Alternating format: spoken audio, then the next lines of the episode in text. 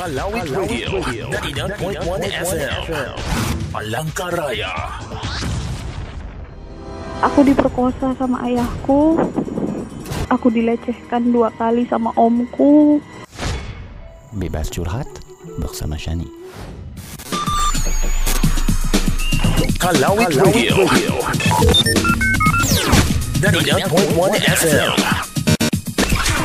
ngomong sih kalau ke semua orang lain dia nggak bakalan terima terus sampai kapan pun pasti akan ganggu hubungan aku Bebas curhat bersama Shani. Bebas curhat bersama Shani. Jam 9 waktu Indonesia Barat live dari Kalimantan di YouTube Shani, Shani Kalawet dan juga di 99,1 FM Radio Kalawet di Palangkaraya acara BC Bebas Curhat bersama Shani. Kalawit Radio, 99.1 FM.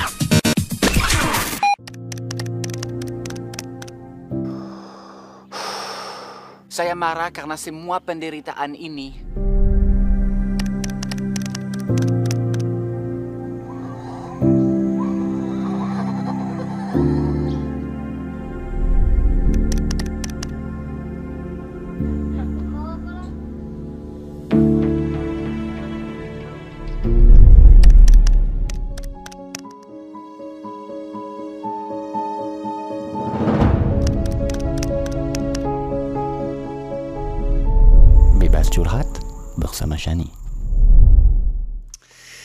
Selamat malam, saya Shani, satu-satunya aktivis lingkungan yang setiap malam minggu menjadi teman curhat kamu. Hanya di sini, di YouTube, di YouTube Shani, Shani Kalawet, dan di Radio Kalawet 99,1 FM. Sampai jam 11 di sini kita akan bahas apa saja yang mungkin terasa berat dalam kehidupan kamu. Kamu punya masalah, nggak harus masalah besar, tetapi kalau itu buat kamu terasa berat, terasa sebuah masalah, kita mesti bahas di sini ya. Jadi jangan harus merasa punya masalah berat untuk ikut di sini. Tidak, Eh, masalah apa aja yang kamu rasa di sini dan yang kamu pengen bahas bersama Shani, kamu welcome banget. Gimana kabar kalian? Eh, sedikit perubahan dalam acara BC Bebas Curhat bersama Shani. Sekarang kalian bisa kalau malu ikut on air bersama Shani, kalian punya beberapa opsi. Bisa curhat lewat pesan VH yang Shani akan baca. Kemudian kita akan minta kalian yang simak acara ini untuk memberi saran, masukan, solusi buat teman yang punya masalah. Atau kamu juga bisa kirim voice note eh, lewat VA yang kita akan eh, tayang di sini biar kita paham masalah kamu dengan bonus kita bisa dengar suara kamu mungkin eh, lebih hidup dan eh, itu juga kita akan tanggapi dan memberi saran buat kamu. Pokoknya apa pun jalur yang kamu pilih, ikut langsung ngobrol sama Shani, kirim voice note atau kirim pesan eh, teks. Eh, nomornya sama 0812 5609 4418. Buat kamu yang simak acara ini di YouTube, kamu punya nomornya di screen. Buat kamu yang simak acara ini di Radio Kalawet, Shani ulangin 0812 5609 4418. Gimana kabar kalian? Apa yang terjadi dalam minggu ini buat kalian? Ada kejadian yang pengen kamu share di sini atau sesuatu yang kamu sudah pernah share dengan Shani? Ada update, ada kabar baru? Shani pengen dengar banget. Jadi Shani tunggu pesan kamu. Dan coming up eh, untuk penelpon pertama nanti akan ada Tina. Jadi jangan ke mana-mana. Bebas curhat bersama Shani. Kamu, kamu pernah ngomong sama dia itu bahwa kamu nggak terima kalau dia masih berhubungan dengan cewek itu? Pernah kamu sampaikan itu? iya pernah tapi dia dia nggak pernah nganggapin serius dia malah cuek gitu dan nggak pernah nanggap pokoknya ya kadang ditinggal gitu Bebas curhat bersama Shani. Coming up Tina yang sudah kirim VA dan eh, dia juga sudah kirim voice note. Jadi kita dengar eh, dua voice note dari Tina sebelum kita hubungi dia. Bahkan kakak sampai sekarang kita itu mau empat tahun ya. Itu tidak pernah bicara, tidak pernah komunikasi. Dia juga punya Facebook, eh, punya media so- eh, sosial media yang lainnya juga, tapi kami tidak eh, tidak apa saling tegur sapa ya. Saya juga orangnya gimana ya kak? Karena saya pu- punya prinsip eh, saya seorang kakak yang udah sewa- sewajarnya dan kewajiban seorang kakak itu menegur adiknya yang lagi salah jalan. Itu prinsip saya itu wajar kan kak?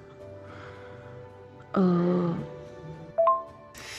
Oke, ini sebenarnya Tina ada kirim VN yang panjang sekali, tapi berhubungan dia akan ikut on air. Kita akan telepon dia. Jangan lupa dalam acara ini ada sesuatu yang baru juga, karena eh, mungkin Shani nanti akan telepon si cantik Prada untuk nanya pendapatnya dan mungkin juga Prada punya saran dan masukan buat teman-teman yang punya masalah. Jangan kami jangan ke mana-mana. Coming up kita telepon Tina.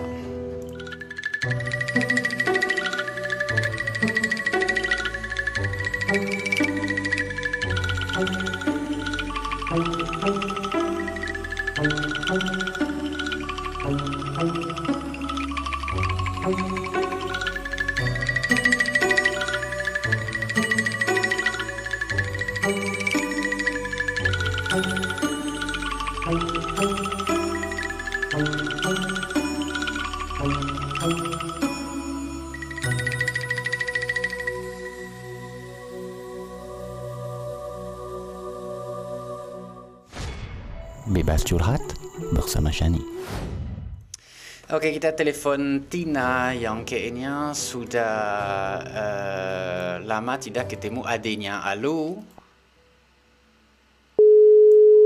Oke, lagi mau tersambung. Halo Tina? Iya, halo. Halo, selamat malam Tina. Apa kabar malam ini? Iya, selamat malam Kak. Alhamdulillah baik. Oke, welcome to the family. Kamu gabung dalam acara Bebas Curhat bersama Shani.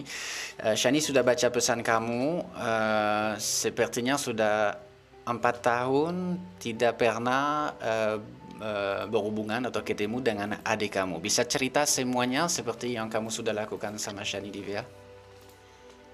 Ya, Em, awal masalah begini ya Kak. Eh, sekitar tahun 2000 2014 awalnya 2014 adik saya itu eh, jujur adik saya posisikan di Taiwan. Dia nikah sama orang Taiwan. Dia tinggalnya juga di sana. Kadang-kadang tiga tahun sekali itu dia pulang ke Indonesia. Cuti eh, satu bulan apa ya satu bulan lamanya gitu. Lah waktu tahun 2015 itu dia 2014 dia ada pulang ada pulang ke, ke Indonesia eh waktu itu aku juga adalah ada punya pikiran kok dia eh, kenal sama cowok itu ya gitu tapi dia saya Cowok selalu mana? nanya itu Coba yang mana dulu? ya Mhm. cowok yang yang akhirnya saya tegur akhirnya yang jadi masalah sekarang ini Oke, jadi cowok itu ada dia di kan Indonesia? pulang Heeh. Ya ada Oke. di Indonesia. Karena kenapa saya tegur? Saya hati-hati negurnya juga karena eh, si cowok itu kan statusnya suami orang punya anak istri masih baik-baik. Saya juga kenal dengan cowok itu eh, karena dia tinggal itu satu kelurahan sama saya ya sama kita gitu. Eh, setelah itu saya tegur adik saya jawabnya saya cuma negurnya kamu ada hubungan apa sama dia? Gitu. Kok kelihatannya deket. Dia jawabnya cuma biasa teman reuni teman sekolah dulu. Oke? Jadi anggapan saya juga pikiran saya ke dia itu sama kayak saya. Maksudnya saya juga punya teman cowok-cowok banyak gitu. Tapi cuma sekedar teman eh, curhat-curhat juga nggak pernah gitu. Maksudnya sekedar teman waktu kita sekolah apa kita ketemu di jalan menyapa atau suka telepon eh nanyain kabar gimana uh, punya anak istri berapa gitu. Biasalah teman gitu. Eh, dia jawabnya seperti itu. Jadi pikiran saya ya adem ayem aja, nggak ada pikiran negatif tentang yang lain-lain gitu. Ja- Jadi dikira memang adik kamu punya teman cowok biasa gitu ya. Ya, ya gitu. Kemudian, Nah setelah itu kemudian dia, aku kan tenang-tenang aja, aku proses ke kerja ke luar negeri ke Hong Kong waktu itu. Nah dia juga pulang ke Taiwan. Nah selang dua tahun kemudian, pas saya masih di Hong Kong, dia kok pulang ke Indonesia lagi gitu. Kan tiap hari kita teleponan waktu itu masih masih komunikasi masih baik gitu. Sampai detik dia masih di Indonesia pulang ke- lagi ke Indonesia pun kita itu masih komunikasi gitu. Cuman orang tua saya ngomong "E, kak kok adekmu begini-begini ya? gitu. Saya coba menegur lagi kak dek kamu tuh ada hubungan apa sama dia? Terus banyak orang ngomong tetangga-tetangga saya pada SMS ke saya padahal posisi saya kan masih di Hong Kong. Nah saya eh, nanya emang kenapa? Oh begini begini begini gitu. Terus nanya saya sama orang tua saya "Eh, bu emang adek gimana? gitu. Enggak adekmu kok ada kayaknya ada hubungan eh, yang aneh katanya. Aneh gimana sama siapa? Ya sama itu. Oh gitu. Aku jawabnya gini itu cuma berteman gitu kak. Ya aku taunya memang berteman gitu. Nggak ada yang aneh-aneh. Enggak. Mama saya bilangnya kayak gitu. Enggak itu beda katanya. Beda gimana? Itu yang cowok padahal dia kan posisi punya anak istri. Kenapa main ke rumah kita boleh? Karena reuni gitu iya boleh saya bilang gitu sama mama saya. Tapi kan namanya orang kampung kak itu jam 9 malam itu kan harus pulang. Nggak boleh lama-lama lah di rumah orang gitu apalagi posisi dia kan statusnya suami orang gitu. Nanti bukan ya namanya di kampung tahulah saya nggak perlu menjelaskan ya panjang lebar. Ya, ya, ya. lah lama-lama saya kan negur adik saya kok semakin dianya kok kayak nggak terima gitu. Dek jangan seperti itu. Pertama hormatilah keluarga kita gitu ya. Hormatilah harga diri kita sendiri sebagai perempuan lah. Terus adik saya semakin marah ya. Tapi marah kok dia kelakuannya nggak berubah kak. Malah tambah nggak karu-karuan.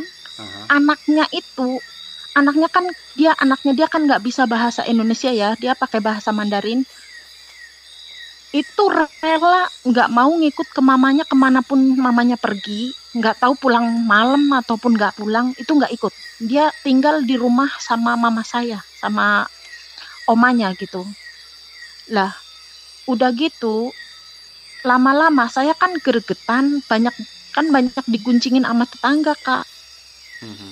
saya udah berusaha dari sebelum itu saya udah berusaha sekuat tenaga untuk istilahnya kalau memang benar dia ada hubungan sama cowok itu saya berusaha untuk apa ya maksudnya biar jangan dilanjutin gitu loh Ya.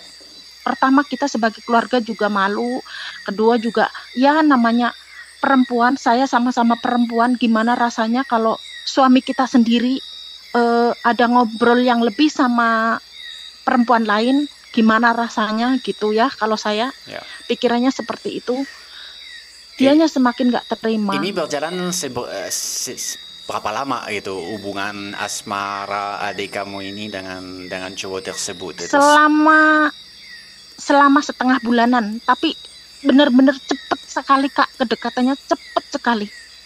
Adik saya waktu itu pulang sampai satu bulan ya totalnya. Setelah itu satu bulan. Tapi dalam waktu satu bulan itu aduh sayanya sampai gimana ya? Menghancurkan hubungan keluarga yang ibaratnya kita itu dari lahir sama satu orang tua. Dan istilahnya gimana ya? Kok bisa ya? Cuma segitu doang. Hubungan istilahnya dia belain cowok itu kok sampai apa ya menghancurkan hubungan kakak beradik ya? Tapi bukan kakak beradik yang gimana? Kita Jadi, kakak adik kandung Nah, apa yang terjadi? Eh, jadi kamu sudah coba nasihati dia, dia tetap bersikeras berhubungan dengan cowok itu. Iya, Eh, kemudian apa yang kamu lakukan sampai hubungan kamu dengan adik kamu menjadi berantakan?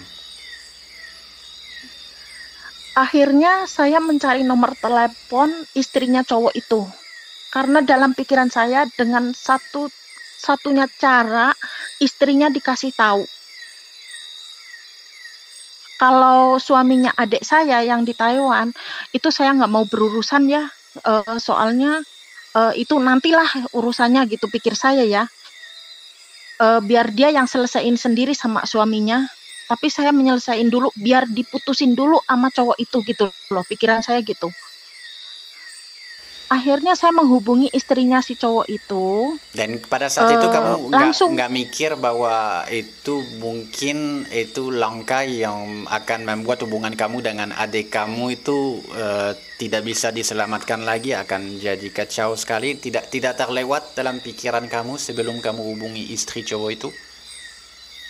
Enggak, saya enggak memikirkan karena pikiran saya itu satu ingin biar mereka itu jangan berhubungan lagi dulu karena semua keluarga saya, bapak saya, mama saya, paman-paman saya, adik dari mama saya itu udah berusaha eh, apa ya maksudnya menasehati adik saya lah gitu. Bahkan dengan kasarnya Kak keluarga kita itu ngucapin saya sendiri aja sampai ngomong, "Dek, kalau kamu memang eh, mau selingkuh, nyelingkuhin suami kamu, silahkan aja itu urusan kamu, tapi tolong deh cari yang bukan suami orang. Saya bilang gitu, sampai saya ngomong kata-kata itu. Karena apa? Mhm. Eh, dia cuma jawabnya apa sama saya, Kak? Kak, kamu tuh nggak tahu penderitaan saya. Suami saya itu orang tua, katanya. Tua, emang selisih adik saya sama suaminya itu selisih 21 tahun ya. Mhm. Eh, Tapi jadi sebentar dulu, dia Pak. cuma jawabnya seperti Oke, Mm-mm. eh, biar kita paham. Jadi kamu hubungi istri cowok tersebut yang berhubungan dengan adik kamu. iya Iya. apa reaksi istrinya pada saat kamu telepon dia? Pasti dia kaget banget. Dan pertama coba ceritain Banget. saat ya saat kamu telepon dia apa reaksi Kaget. dia? kaget banget kaget banget. Dia bilang terima kasih. Selama ini saya udah curiga. Istrinya itu ngomong gitu sama saya. Selama ini saya itu udah curiga suami saya yang jarang pulang ke rumah selama satu bulan hampir satu bulan ini. Terus telepon selalu eh, bukan dimatiin ya kak tapi kayaknya istrinya itu curiga nomornya kok ganti-ganti gitu. Istrinya ngomong sama saya. Oke. Terus pagi-paginya, paginya, benar-benar pagi-paginya, istrinya kan seorang PNS, eh, mau berangkat ke kantor jam setengah enam apa jam berapa gitu waktu itu. Berangkat ke rumah saya. Jadi di rumah saya itu kejadian itu mungkin yang bikin adik saya tuh gimana ya? Jadi kayak dendam, benci sama saya itu.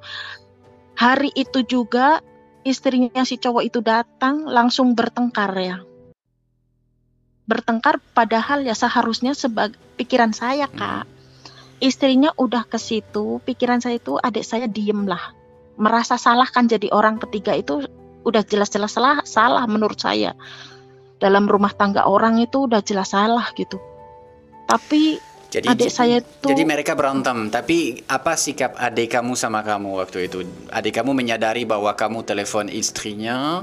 eh, jadi dia seperti apa sama kamu? Enggak dia tidak menyadari kalau saya yang telepon Oh, oke. istrinya. Tapi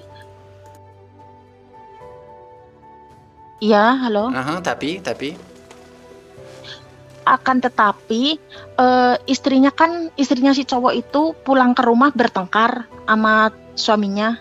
Mhm. lah sama su- sama suaminya ngomong dari mana kamu tahu kalau saya selingkuh sama itu Eh, istrinya ngomong dari saya gitu. Akhirnya si cowok itu ngadu sama adik saya. Nah dari semenjak itulah adik saya langsung kak SMS ke saya, aduh nyakitin banget ngomongnya. Tapi anggapan saya, saya dalam hati saya, biarkanlah mungkin dia lagi lagi apa ya kalau kita orang Jawa ngomong keblinger gitu kak. Lagi salah jalan lah. Mungkin suatu saat kita berharap dia sadarlah gitu. Jadi saya memilih diam dia mau SMS apa pun saya memilih diam.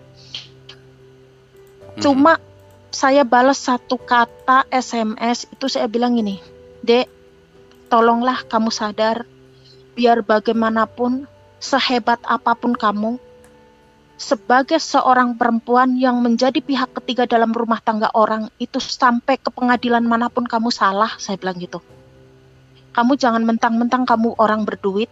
Kamu jangan mentang-mentang kamu cantik ataupun apa. Itu semuanya itu eh, sia-sia saya bilang gitu.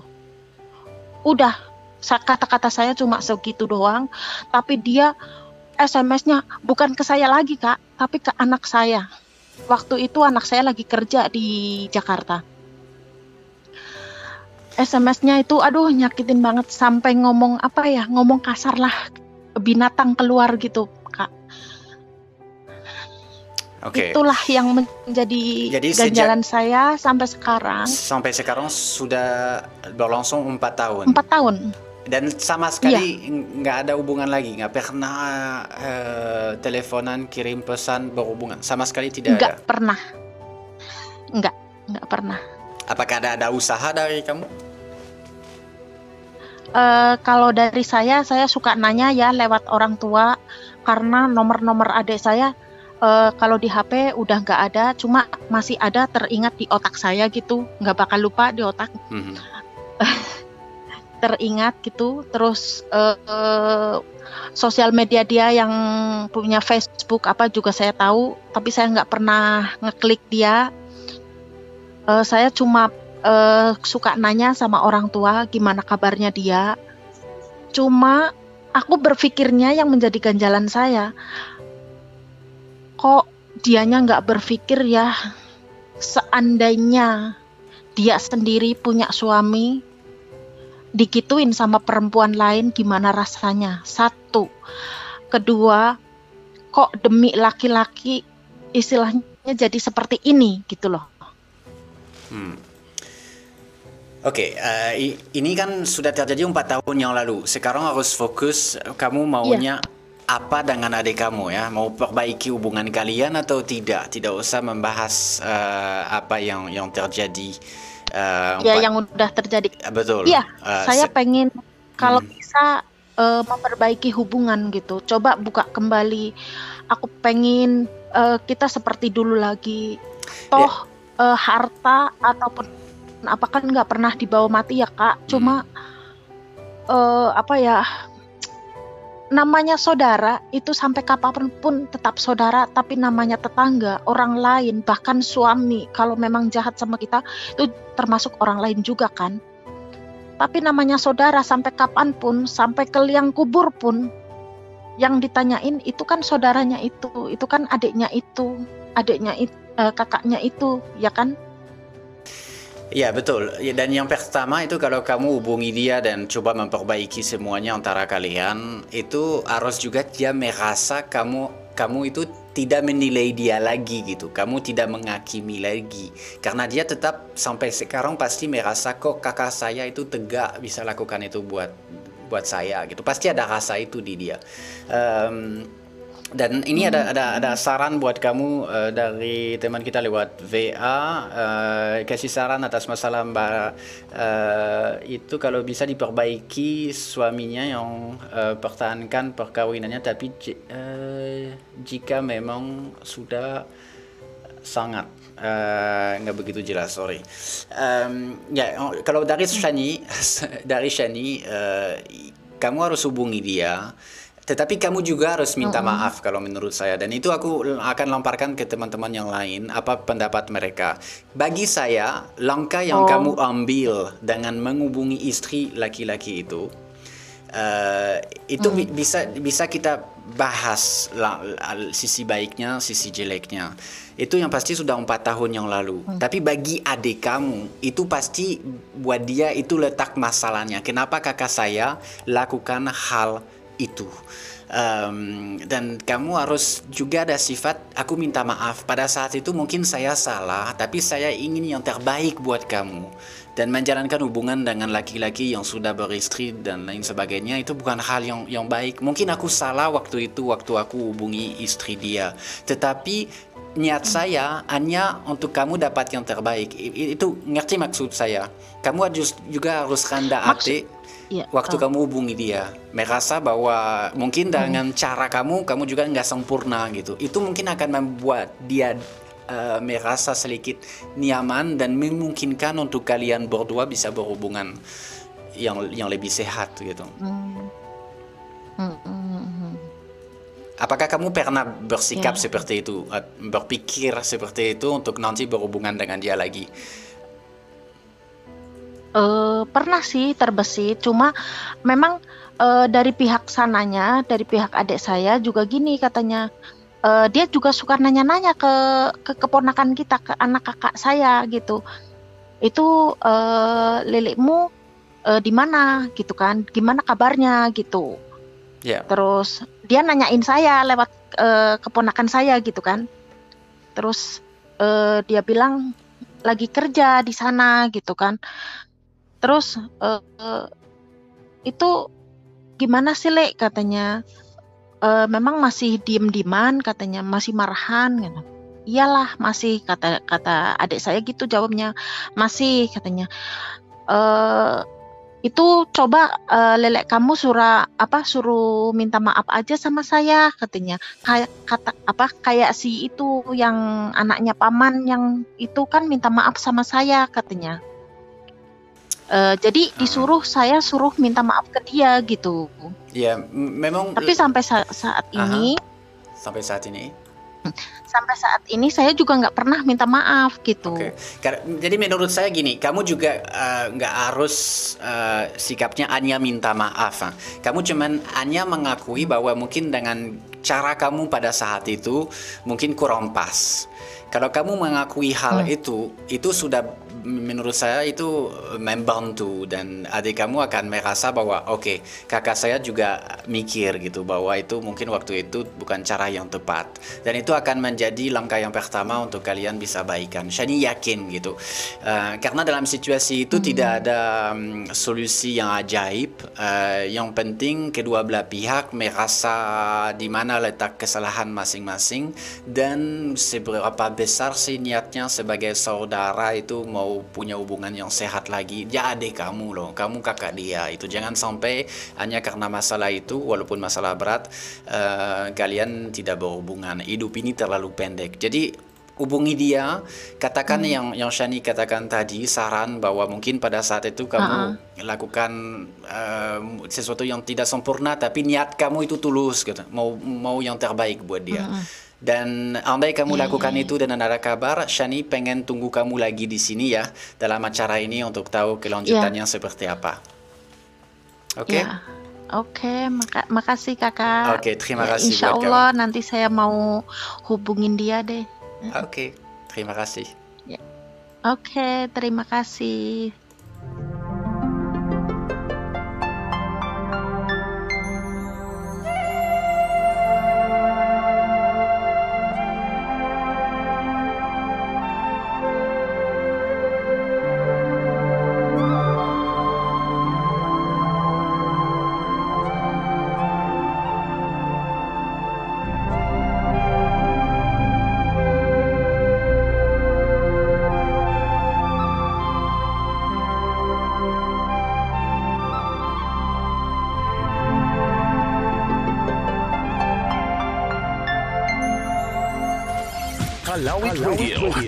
99.1 FM.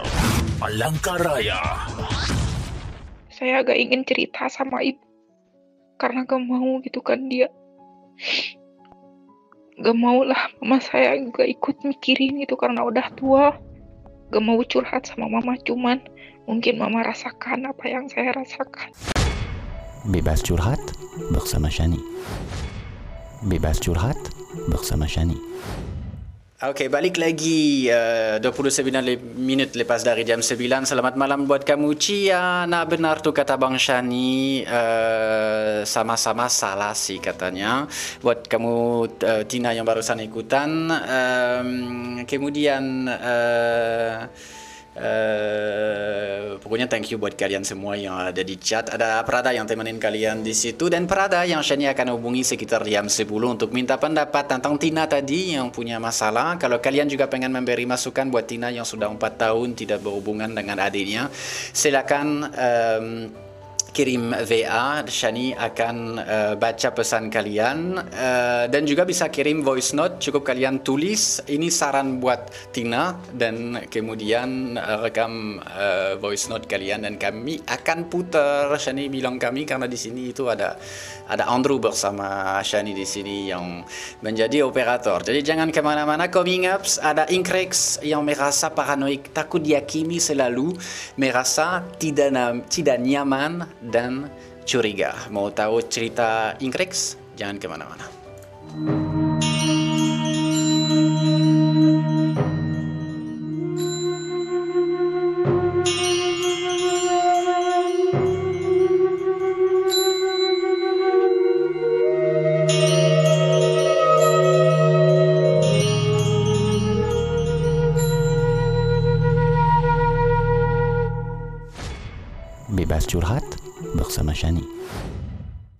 Oke, buat kamu yang pengen ikutan juga, tinggal kamu kirim VA uh, ke 081256094418. Uh, voice note juga boleh, teks juga boleh, ikutan on, on air itu yang Shani paling suka. Dan seperti Tina tadi, dia uh, waktu mulai kirim VA ke Shani, dia bilang silakan juga kalau mau ditaruh di YouTube curhatannya, karena siapa tahu adiknya dengar. Artinya, uh, apa pun yang Shani upload di uh, YouTube itu hanya kalau kalian uh, izinkan atau suruh Shani untuk lakukan hal itu misalnya ada pesan tertentu yang mau disampaikan ke seseorang jadi suruh Shani untuk masukin cuplikan dari BC di YouTube Shani akan lakukan. Tapi kalau kamu tidak pengen jangan khawatir ha? kamu uh, uh, curhatan kamu tidak akan diupload. Uh, sebentar lagi ada Inkrex dan coming up setelahnya akan ada juga Alan dari Jakarta dan uh, Prince uh, yang mau bahas sesuatu yang lebih ringan uh, tentang Kalimantan. Jangan ke mana-mana kita hubungi uh, Inkrex namanya agak agak agak agak lucu ah. Nanti kutanya kenapa. Bebas curhat bersama Shani. Inkrex yang merasa uh, selalu uh, dihakimi, selalu merasa uh, ya dinilai uh, sampai dia sendiri mengatakan merasa paranoid. Halo? Halo. Halo, selamat malam, Ikrex. Begitu panggilannya? Ya. Betul? Ya, Inkrex. Oh, Inkrex, wash.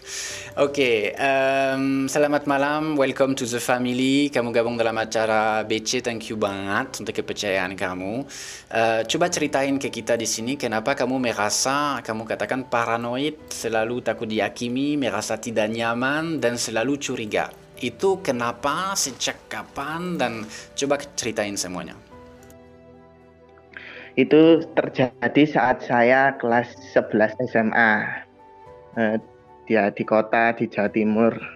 Saya itu eh, pertama kali merasa paranoid itu ketika saya self talk sendiri jam 12 malam. Jadi saya eh, membahas apa tentang uh, hal yang saya suka seperti uh, filsafat seperti itu. Terus saya mendengar ini mungkin delusi ya. Suara orang lain uh, bilang kayak menertawakan saya. Awalnya saya nggak nggak percaya hal ini, tapi lama-lama uh, terjadi. Saya di sekolah juga dibully karena uh, tidak suka sekolah. Saya lebih suka belajar sesuai passion saya memang. Jadi saya agak nakal di sekolah saat SMA. Nah, saya mer ini teman saya kok ngurusin saya saja, karena saya semakin paranoid dan menganggap uh, mereka itu bisa melakukan telepati. Telepati itu ya apa merasakan ya, apa artinya kan merasakan dari uh, jarak jauh gitu kan. Tapi saya itu merasakan seperti itu, merasa paranoid hmm. paranoid itu berkembang saya merasa uh, dihakimi suara-suara itu muncul menurut nah, men, suara itu sebentar tidak. bentar bentar suara yang kamu dengar itu datang di kepala kamu, kamu sadar bahwa itu datang dari dalam diri kamu, atau kamu merasa ada orang di luar yang kamu nggak bisa melihat yang ngomong sama kamu? Apa yang yang kamu rasa pada saat kamu dengar uh, suara itu? Rasa dulu pertama kali itu dari awal itu sering merasa orang lain yang melakukannya. Tetapi semakin menyadari, semakin saya menganggap itu dari dalam diri saya. Tetapi itu sangat mengganggu. Kadang saya kehilangan akal sehat dan menyalahkan orang lain. Awalnya cuma satu orang di sekolah, lama-lama nyebar ke ke apa ke tem, orang lain, ke orang depan rumah, orang tukang bangunan, orang di jalan. Jadi jadi, jadi apa, apa perasaan saya itu juga jadi, apa yang kamu katakan dengan apa? orang yang yang di jalan seperti itu? Jadi kamu dengar suara, kemudian kamu marah-marah sama sama orang atau seperti apa?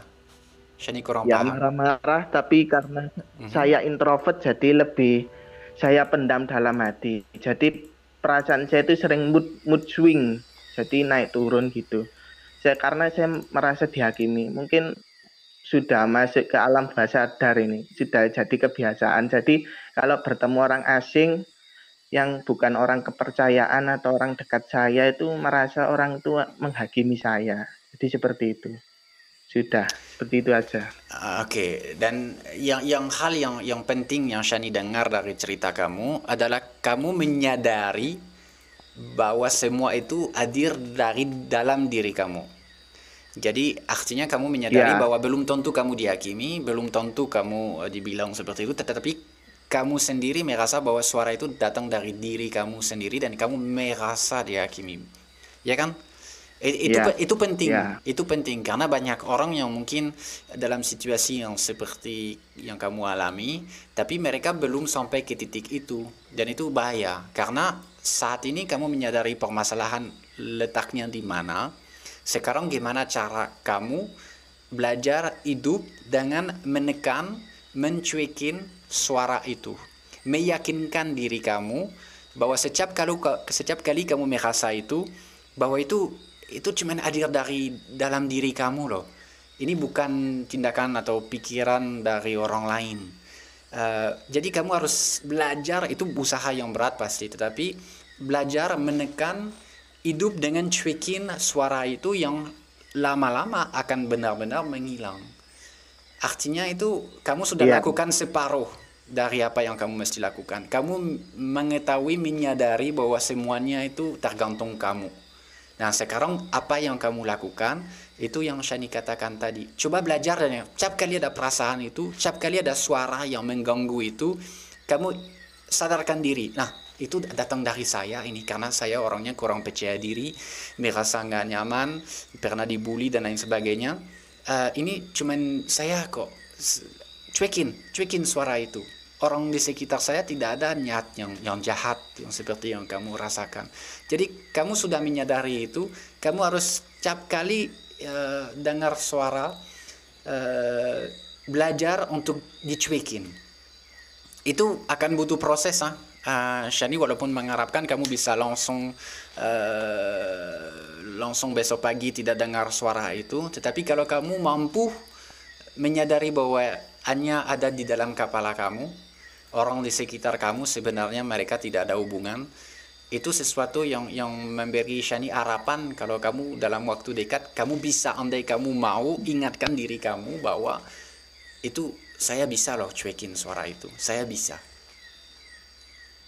Selama ini Oke, seperti apa? ya seperti selama ini kamu pas ada suara itu kamu pernah coba lawan? Pernah kamu cuekin? Pernah. Tetapi kayak sudah jadi kebiasaan jadi masih merasa tidak enak ya kad ya kadang bisa tenang kadang agak susah perasaan ini Oke, jadi diusaha terus dan itu jangan merasa juga jangan-jangan aku gila nih, jangan-jangan aku gimana. Enggak. Ini kamu ada suara yang mungkin di uh, orang lain suara kecil dalam kepalanya bilang hati-hati, ini bahaya, anak. Mungkin di kamu itu suara itu ambil tempat yang terlalu besar. Jangan merasa itu sesuatu yang aneh, cuekin. Kalau kamu cuekin, terserah dia tidak akan merasa diperhatikan lagi dan dengan sendirinya akan hilang dari diri kamu. Ini yang saya ingin doain buat kamu ya. Ya. Oke? Terima kasih buat kamu Inkrex. Halo. Oke, thank you Ya. buat kamu. Bye bye. Ya. Bebas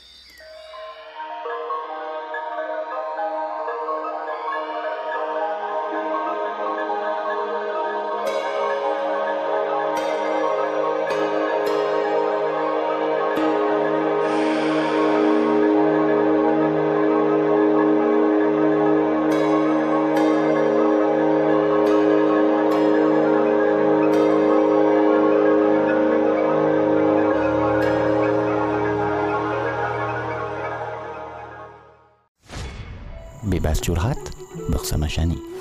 pernah ngomong sih kalau aku sama orang lain dia nggak bakalan terima terus sampai kapan pun pasti akan ganggu hubungan aku Bebas curhat bersama Shani. Oke, balik lagi bersama Shani. Thank you buat kamu Ikrex dan Tina yang sudah ikutan. Kita coming up akan telepon Alan di Jakarta dan setelahnya kita akan telepon Prada untuk eh, segmen apa sih pendapat Prada? Jangan ke mana-mana. Bebas curhat bersama Shani. Saya agak ingin cerita sama ibu. Karena gak mau gitu kan dia. Gak mau lah mama saya juga ikut mikirin gitu karena udah tua. Gak mau curhat sama mama cuman mungkin mama rasakan apa yang saya rasakan. Bebas curhat bersama Shani. Oke, balik lagi kita telepon Alan yang berada di Jakarta. Ceritanya Alan kayaknya patah hati. Eh, jadi kita mau, kita mau dengar eh, ceritanya. Silakan buat eh, teman-teman yang lain yang mau kasih saran. Ada juga buat Inkrex yang mengatakan tadi di, di chat. Silakan kalau ada ada kesempatan untuk ke psikolog juga bisa- sangat bisa membantu. eh. Halo, Halo, halo, selamat malam, Alan. Halo ya, eh, suara saya terdengar. Terdengar dengan jelas. Eh, Matikan aja streamingnya, kamu bisa dengar Shani lewat telepon. Tapi suara kamu Oke. clear and loud eh, di kopi di sini. Kamu adanya di Jakarta, betul? Ya, saya di Jakarta. Oke, welcome to the family. Terima kasih banyak Alan sudah mau ikutan dalam acara BC Bebas Curhat bersama Shani. Shani baca pesan VR kamu, eh, kayaknya ada sedikit masalah dengan pacar kamu ya. Iya, ini. Coba kamu ceritain. Ah, saya coba cerita dari awal ya sini ya. Em, jadi awal mulanya itu kami kenal dari waktu masih kuliah. Nah, ketika kuliah itu saya bukan orang yang terlalu peduli soal urusan pacar-pacaran atau cinta-cintaan gitu. Jadi ketika awalnya saya dekat sama dia, eh, saya memutuskan memang dari awal saya tidak ingin pacaran sampai nanti saya benar-benar punya waktu, punya uang untuk kalau mau lanjut ke pernikahan ya saya bisa saat itu juga. Jadi selama masa kuliah saya memutuskan untuk ujung-ujungnya pasti hanya akan main-main. gitu. Jadi saya tidak tidak pacaran saat itu. Nah eh, pertemuan perkenalan saya dengan perempuan ini eh, saat itu eh, eh, saya eh, dia mendekati saya dan saya juga punya perasaan yang sama cuman karena prinsip saya untuk tidak pacaran saat itu eh, saya bilang ke dia "Eh, maaf saya tidak mau pacaran tapi kalau eh, kita mau sama-sama jaga hati kita bisa jalanin hubungan ini. Dan saat itu dia menerima hubungan itu sampai kurang lebih eh, sekitar satu hampir dua tahun mungkin dia merasa lelah karena hubungan yang tanpa status itu dia tiba-tiba marah dan meninggalkan saya. Itu eh, waktu itu masih kuliah ya Eh, dia meninggalkan saya. Terus eh, dia pacaran sama orang lain. Karena menurut dia saya main-main saya tidak serius eh, dan saya mewajarkan itu karena memang saya tidak memberikan kepastian status yang mungkin dibutuhkan oleh dia saat itu Jadi Lalu kamu dia menjalankan pergi dan- waktu itu hubungan sama dia, eh, kalian nggak pacaran, kamu nggak mau pacaran gitu, cuman teman dekat dekat. Iya, saya nggak pacaran. Oke. Ya, dekat. eh, tapi saya bilang kalau saya jaga perasaan dia. Jadi saya tidak akan eh, dekat sama orang lain atau paling tidak tidak eh, membuat hal-hal yang membuat dia cemburu di depan dia. Oke. Nah, eh, ya setelah dia eh, pacaran dengan orang lain saat itu, lalu akhirnya saya memaklumi karena memang itu keputusan dia. Akhirnya saya tidak berhubungan lagi dengan dia sampai eh, suatu hari saya sudah eh, memiliki pekerjaan, saya memiliki pekerjaan tetap. Kemudian saya merasa ada urusan yang belum selesai dengan dia. Lalu saya beranikan diri untuk menghubungi dia lagi. Lalu saya bilang kali ini saya mau serius, saya ingin menjalin hubungan dengan dia.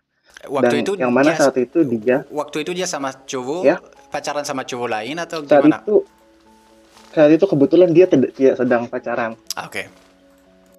Ya, jadi setelah kurang lebih eh, setahun, jadi setelah saya eh, lulus kuliah itu saya kerja setahun, lalu saya cari dia lagi. Setahun kurang saya cari dia lagi, saya sudah punya pekerjaan, saya bilang saya mau menjalin hubungan sama dia. Karena kali ini saya serius gitu. Eh, kemudian eh, saat itu akhirnya kami berpacaran. Eh, pacarannya cukup cukup apa ya?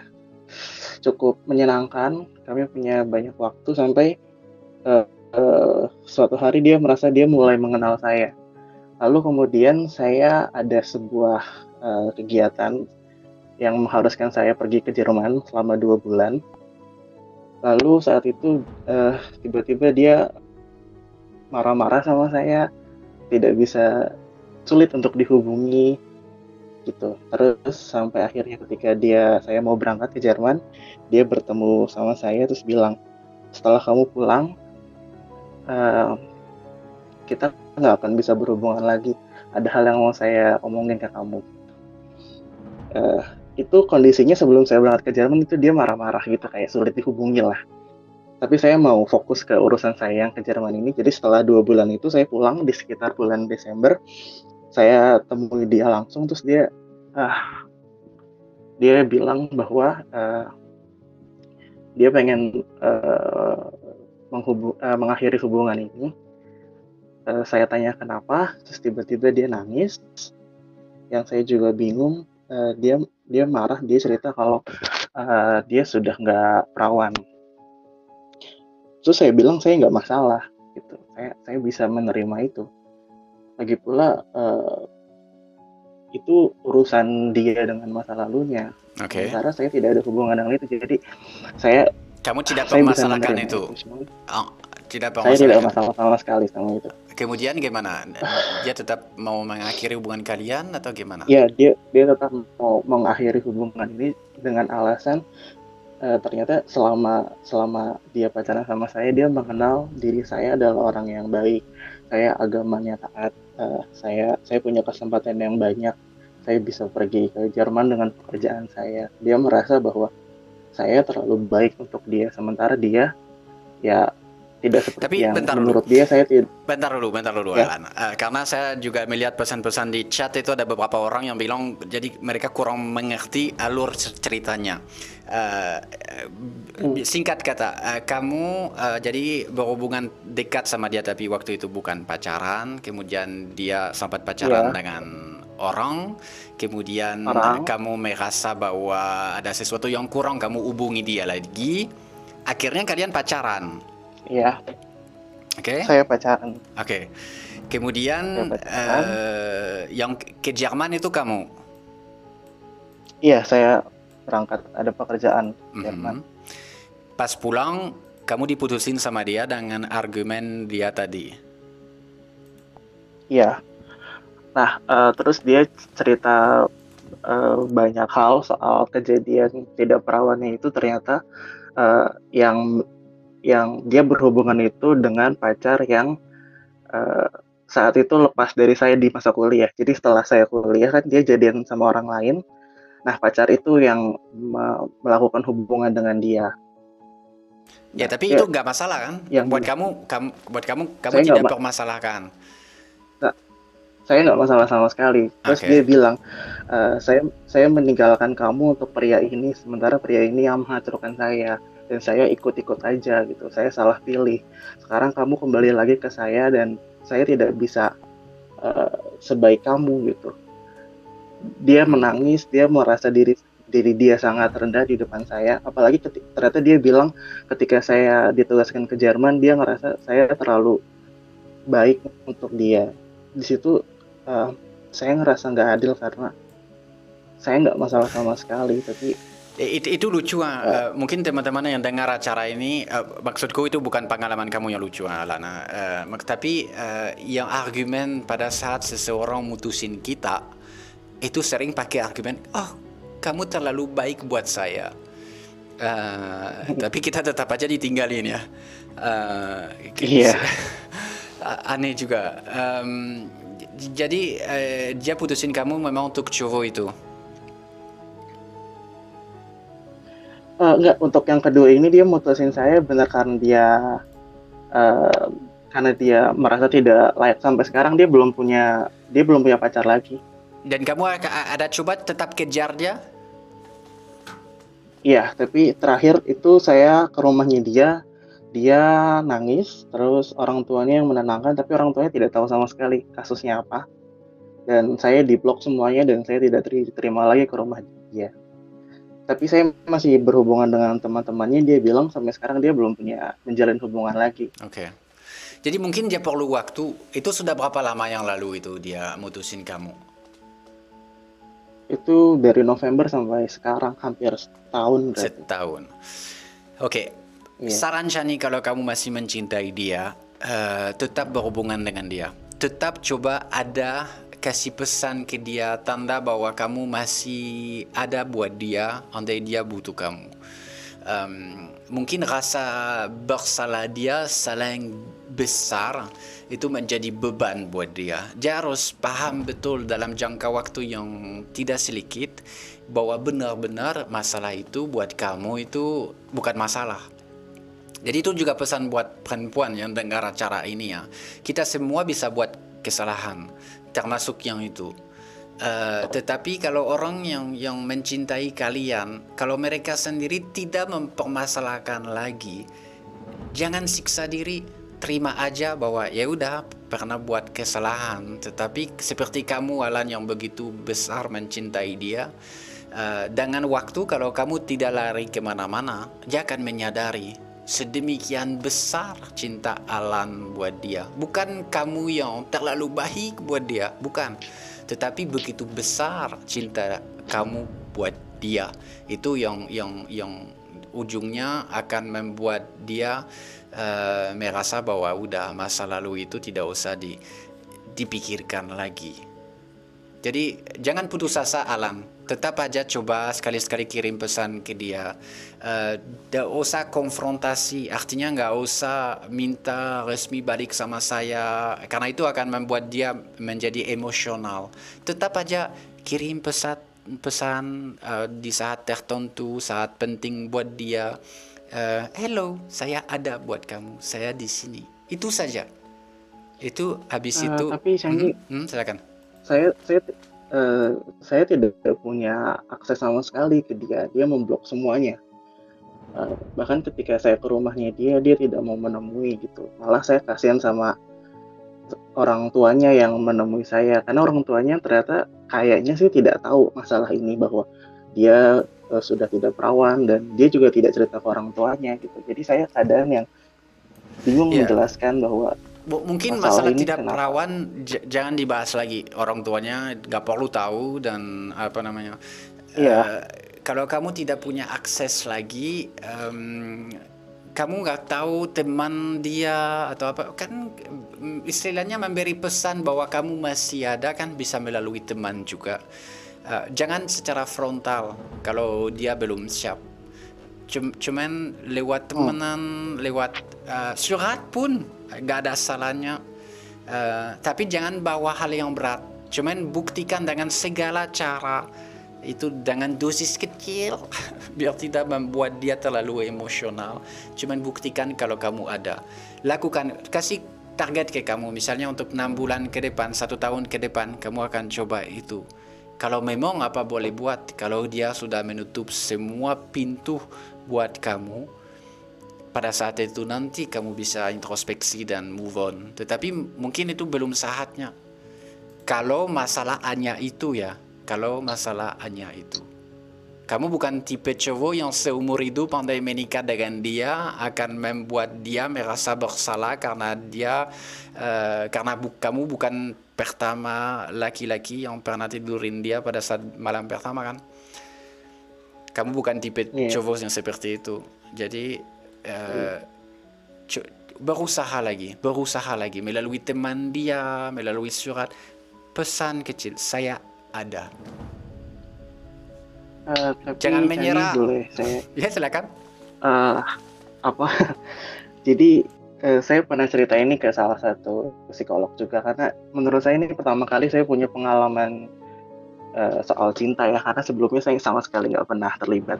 Uh, ada salah satu syarat yang bilang bahwa mungkin memang harusnya diakhiri karena kalau saya melakukan pendekatan terus itu egois untuk saya gitu. Karena saya merasa cinta dengan dia tapi akhirnya cinta saya menyakiti dia. Menurut ini gimana? Tentang cinta kamu menyakiti dia uh, saya tidak tidak paham konsep itu. Uh, kamu hanya bisa buktikan kalau kamu cinta seseorang. Cinta itu tidak menyakitkan. Dia perlu move on dari kesalahan dia atau apa yang dia lakukan pada saat itu tetapi uh, akan jauh lebih sakit merasa bahwa Alan itu tidak mencintai dia lagi karena dia akan langsung berasumsi bahwa kamu tidak cinta dia lagi karena dia pernah lakukan itu dan akan jauh lebih menyakitkan. Saya rasa kalau hati kamu memang ada masih ada sama dia, tidak ada salah kamu memberi bukti atau dia menyadari bahwa kamu cinta dia cinta nggak pernah menyakitkan. Yang di sekitar cintanya yang bisa sangat menyakitkan pada saat kita ditolak atau diputusin atau yang kita tahu. Tetapi dalam konteks ini, selama kamu tidak frontal, jangan membuat dia merasa tidak nyaman. Jangan datang lagi di rumahnya. Um, coba lewat teman sampai yeah. satu hari, mungkin ya, mungkin tidak. Uh, dia yang akan hubungi kamu untuk bicara serius, tapi jangan dari kamu Ya, coba itu jangan menyerah uh, dulu. Terakhir Ceni, uh, ya. ini kan sudah berjalan setahun. Kira-kira ada waktu wajarnya nggak? Kapan rasanya saya harus mungkin saatnya saya berhenti atau mungkin dua tahun atau saya nggak tahu kapan saatnya saya berhenti.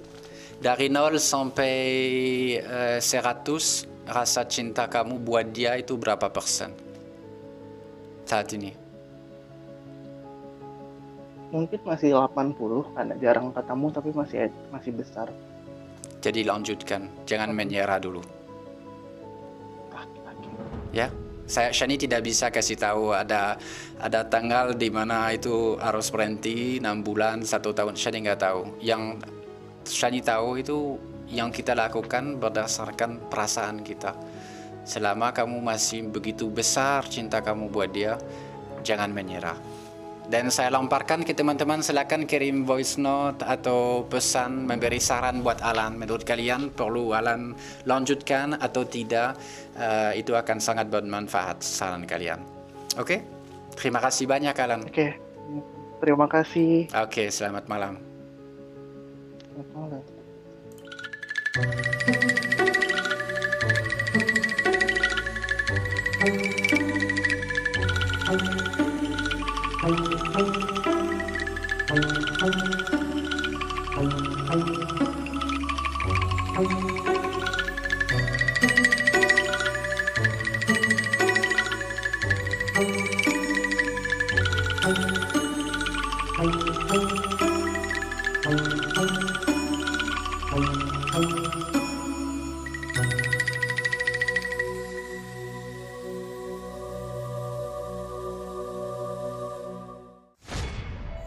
Bebas curhat bersama Shani.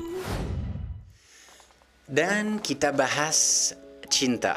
Tadi sudah tiga orang yang ikutan dalam acaranya. Ada Tina uh, yang tidak ketemu adiknya selama empat tahun. Ada Inkrex yang merasa uh, selalu dihakimi, merasa paranoid. Ada suara yang mengganggu dia. Dan ada Alan yang diputusin pacarnya karena pacarnya merasa semuanya terlalu berat.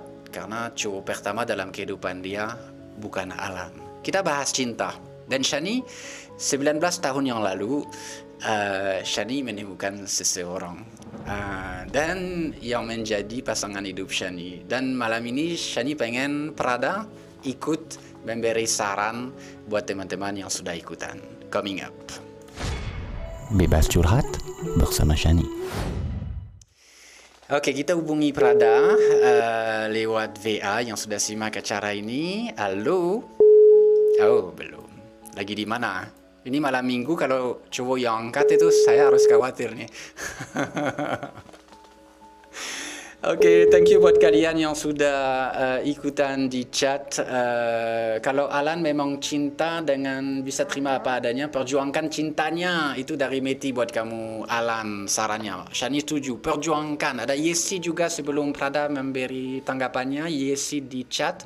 Buat Mas Alan sebaiknya dihentikan katanya. Fokus ke hal lain yang bisa menghilangkan fokus Alan ke mantan. Jadi menurut Yesi itu jangan diperjuangkan. Uh, satu lagi dari Erlin, menurut saya nggak usah dipaksakan untuk mendekati cewek itu karena ceweknya masih bermasalah dengan masa lalunya. Nanti di hubungan berikutnya akan rumit juga. Oke, menarik. Jadi kayaknya teman-teman 50-50 ya.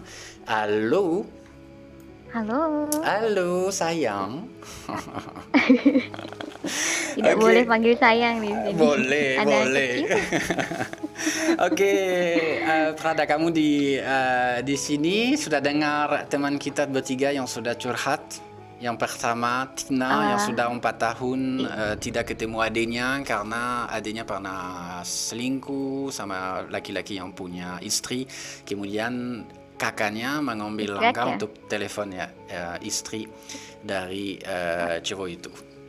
Apa iya. saran kamu buat Tina?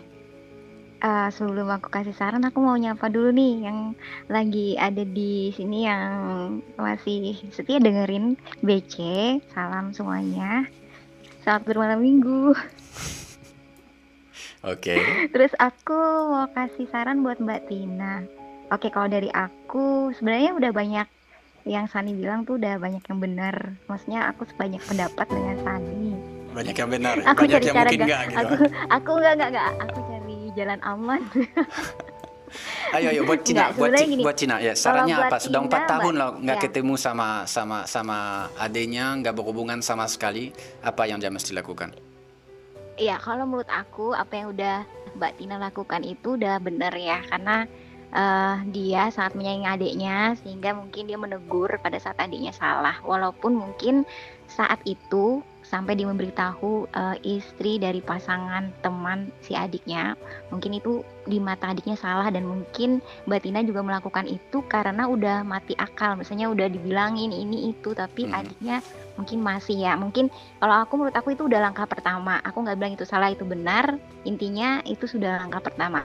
Nah sekarang langkah keduanya adalah eh, kita udah negur nih karena dia adik kita, karena dia saudara kita. Jadi kita harus kasih sayang lagi buat dia. Jadi langkah kedua eh, Mbak Tina harus ini harus mengalah. Dalam arti itu sebenarnya bukan ngalah ya, karena dia sudah menegur tadi. Yang kedua adalah memberi support dulu gitu. Kita udah kasih teguran dan kita juga harus memahami kenapa si adik itu sampai melakukan hal seperti itu. Kalau itu sih menurut aku, karena aku juga punya banyak saudara jadi eh, kayak tahu gitu perasaannya Jadi Mbak harus Tina dikasih rasa sayang. pada ya. saat awal.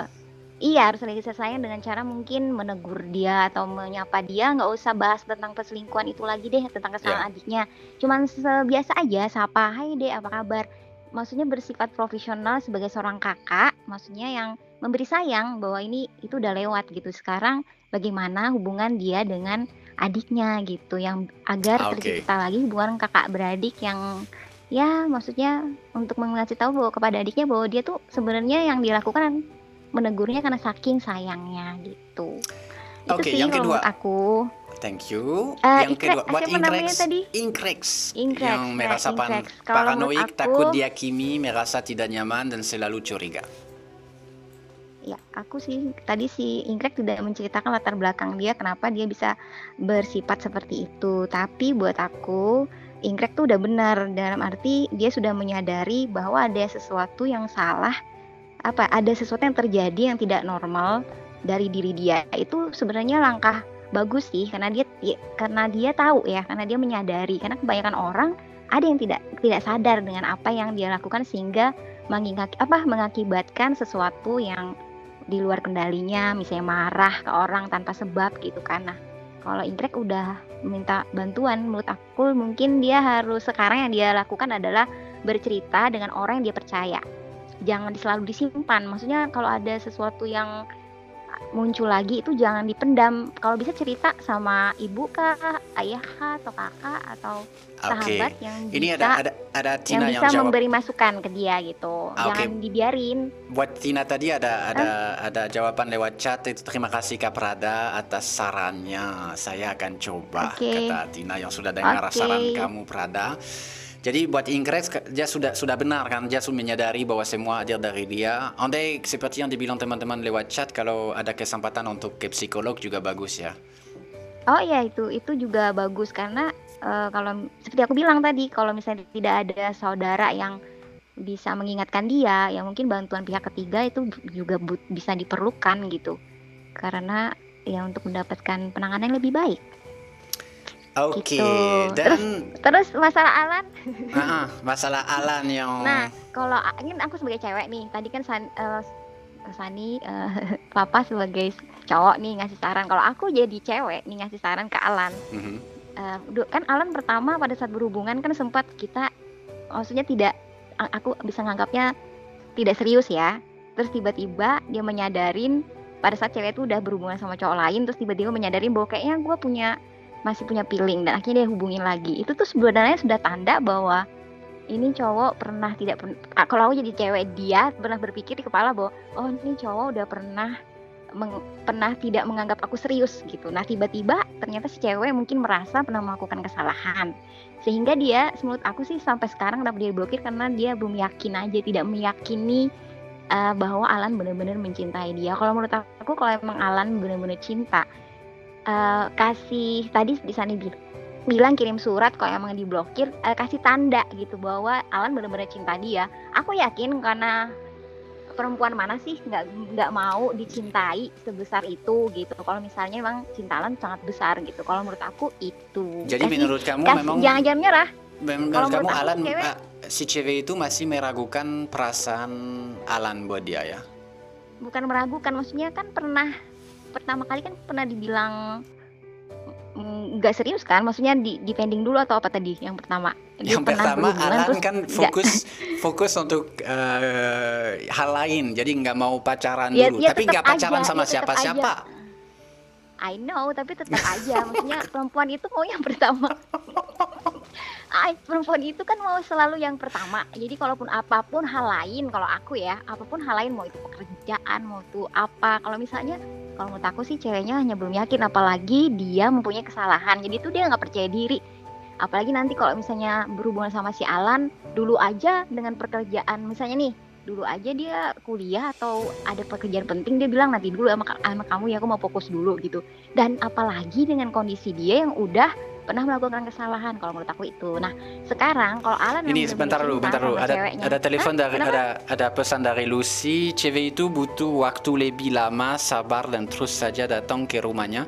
Gak maksa tapi sekedar ngobrol dengan orang tua yang sudah bisa jadi clue buat ceweknya. Itu setuju nggak dengan eh, saran dari kan Lucy? tadi ini? dibilang uh, uh, San Lucy bagus tapi kan tadi Alan bilang bahwa dia udah nggak boleh ke rumahnya terus orang tuanya nggak dibolehin kayaknya tadi ya. Dibilang terus orang tuanya gimana gitu Enggak ya Iya, ada ada ada ada pesan yang aku setuju ini di dengar cerita Prada. Ada yang dibilang itu perempuan itu selalu ingin diutamakan.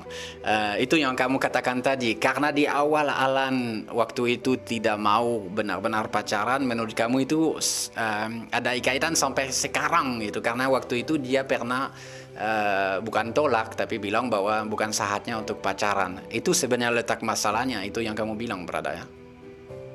Eh, iya, maksudku itu itu bukan letak masalahnya, tetapi itu menjadi tolak ukur juga sebagai seorang perempuan. Aku nggak tahu, aku bukan Berarti ceweknya Alan ya, tapi Syukur dulu perempuan. waktu kamu ajak pacaran aku bilang iya ya.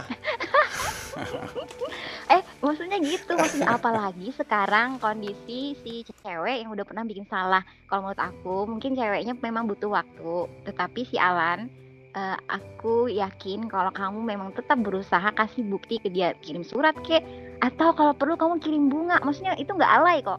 Ada banyak orang perempuan bilang ya maksudnya ah aku nggak main bunga aku cuman pengen coklat atau aku nggak butuh bunga penting kamu tuh perhatian gini-gini. Iya, nggak nggak perlu sebenarnya pakai kado-kado segala ya. iya sebenarnya itu penting.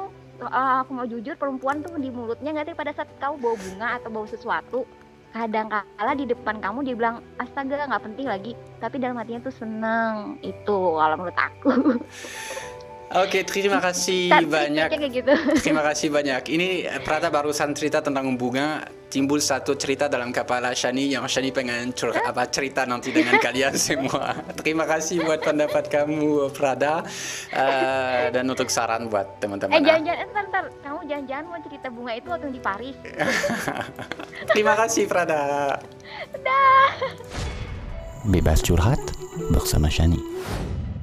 Oke, kalian baru simak eh, sesi atau segmen apa sih pendapat Prada yang mudah-mudahan akan hadir setiap malam minggu juga dalam acara Shani 11 menit lepas dari jam 10. Terima kasih banyak buat kalian semua yang simak terus acara ini live di YouTube dan di Radio Kalawet 99,1 FM. Shani terasa senang banget ah, bisa ngobrol dengan kalian semua dalam acara BC ini dan coming up uh, akan ada Prince yang akan hadir dengan topik yang uh, berbeda sekali tetapi menarik. Jangan ke mana-mana.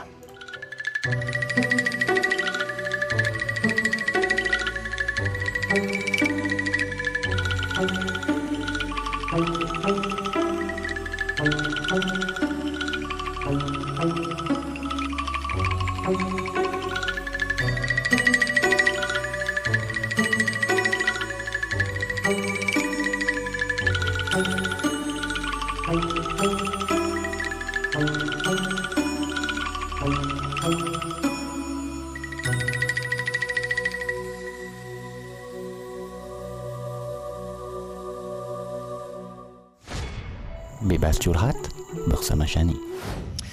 Sebelum kita dengar teman kita eh, yang akan bahas topik yang berbeda sekali, kita simak satu intermezzo.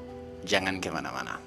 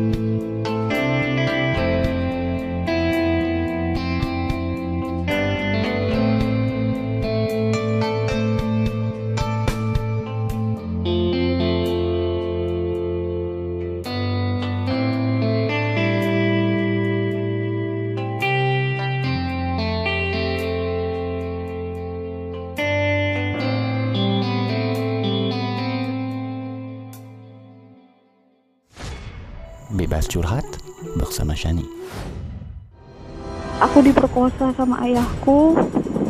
Aku dilecehkan dua kali sama omku. Bebas curhat bersama Shani. Oke, dan buat kamu yang penasaran dengan apa yang disampaikan tadi uh, sama Shani, ada cerita tentang bunga uh, yang berkaitan dengan Prada. Shani akan cerita pas di akhir acaranya biar bikin kalian penasaran, teringat dengan apa yang diceritain Prada. Ya tadi Prada bilang bahwa perempuan pada uh, intinya di mulut bilang oh nggak usah uh, bunga atau coklat. Tetapi uh, pada kenyataan nanti kita bahasnya. Dan sekarang kita uh, telepon Mr. Prince uh, yang sudah kirim uh, pesan uh, bahas topik yang sangat um, uh, berbeda dengan topik-topik lainnya. Tapi itulah acara-acara BC yang kita bisa bahas apa saja. Uh, halo selamat malam. Halo. Malam Selamat dengan malam kalau dengan Mr. Prince. Yes, that's right. My idol. Lokasinya di mana? Ya, di tanah Jawa lah. Di Ya, Jawa. somewhere. Oh, Oke. Eh, j- eh, jadi gini, di WA kamu eh, kamu menanyakan tentang kebiasaan orang Kalimantan. Coba kamu nanya apa yang kamu sampaikan lewat WA biar teman-teman Oh. dengar. Lebih tepat. Oke, oke. Thank you. Sebelumnya selamat malam semuanya. Eh, saya ini lahir di tanah Jawa. Tanah Jawa. Jadi orang tua saya berasal salah satunya ibu dari Jawa, ayah saya dari luar Jawa, dari Sumatera. Nah ini, saya karena sudah terbiasa hidup di Jawa dari lahir dan sampai sekarang, saya cenderung gini. Kenapa pendatang-pendatang tidak cuma dari Borneo, bukan dari Kalimantan juga ya? Kenapa kenapa kok kebanyakan yang sudah datang di Jawa terlalu sering mengkonsumsi daging hewan peliharaannya sendiri. Nah, karena ketepatan kalau eh, Sani buka YouTube Live dan Sani sudah lama, sangat lama sekali di Borneo. Apakah apakah di sana juga sama? Jadi gini, pendatang tuh ada dari dari Sabang sampai Merauke ini di tanah Jawa ada. Mhm. Tapi salah satunya dari Borneo ini, ya maaf ya Sani, kenapa kebanyakan dari mereka kalau datang ke tanah Jawa ke tempat saya pasti Oke. bahkan peliharaannya pun dimakan gitu. Oke Pak, I don't know. Sh- Shani paham pertanyaan kamu mengenai orang yang bisa makan kucing, anjing dan lain sebagainya. Em, Iya, iya, iya. Tetapi jadi eh, kalau tanggapan Shani terpisah dari segala masalah agama boleh tidak makan ini ini ini kita singkirkan itu ya. Yes, yes. Saya bicara hanya sebagai Oke, pecinta oke. satwa liar. Eh, hal yang pertama yang Oke. Shani perlu sampaikan bahwa kalau kita bahas binatang eh, sebenarnya eh, kurang tepat kalau kita pilih kasih. Eh, artinya Iya, gini, betul. Shani Setuju. sendiri itu coba menjadi vegetarian. Sampai titik hari ini Oke. 100% vegetarian, Shani juga belum berhasil.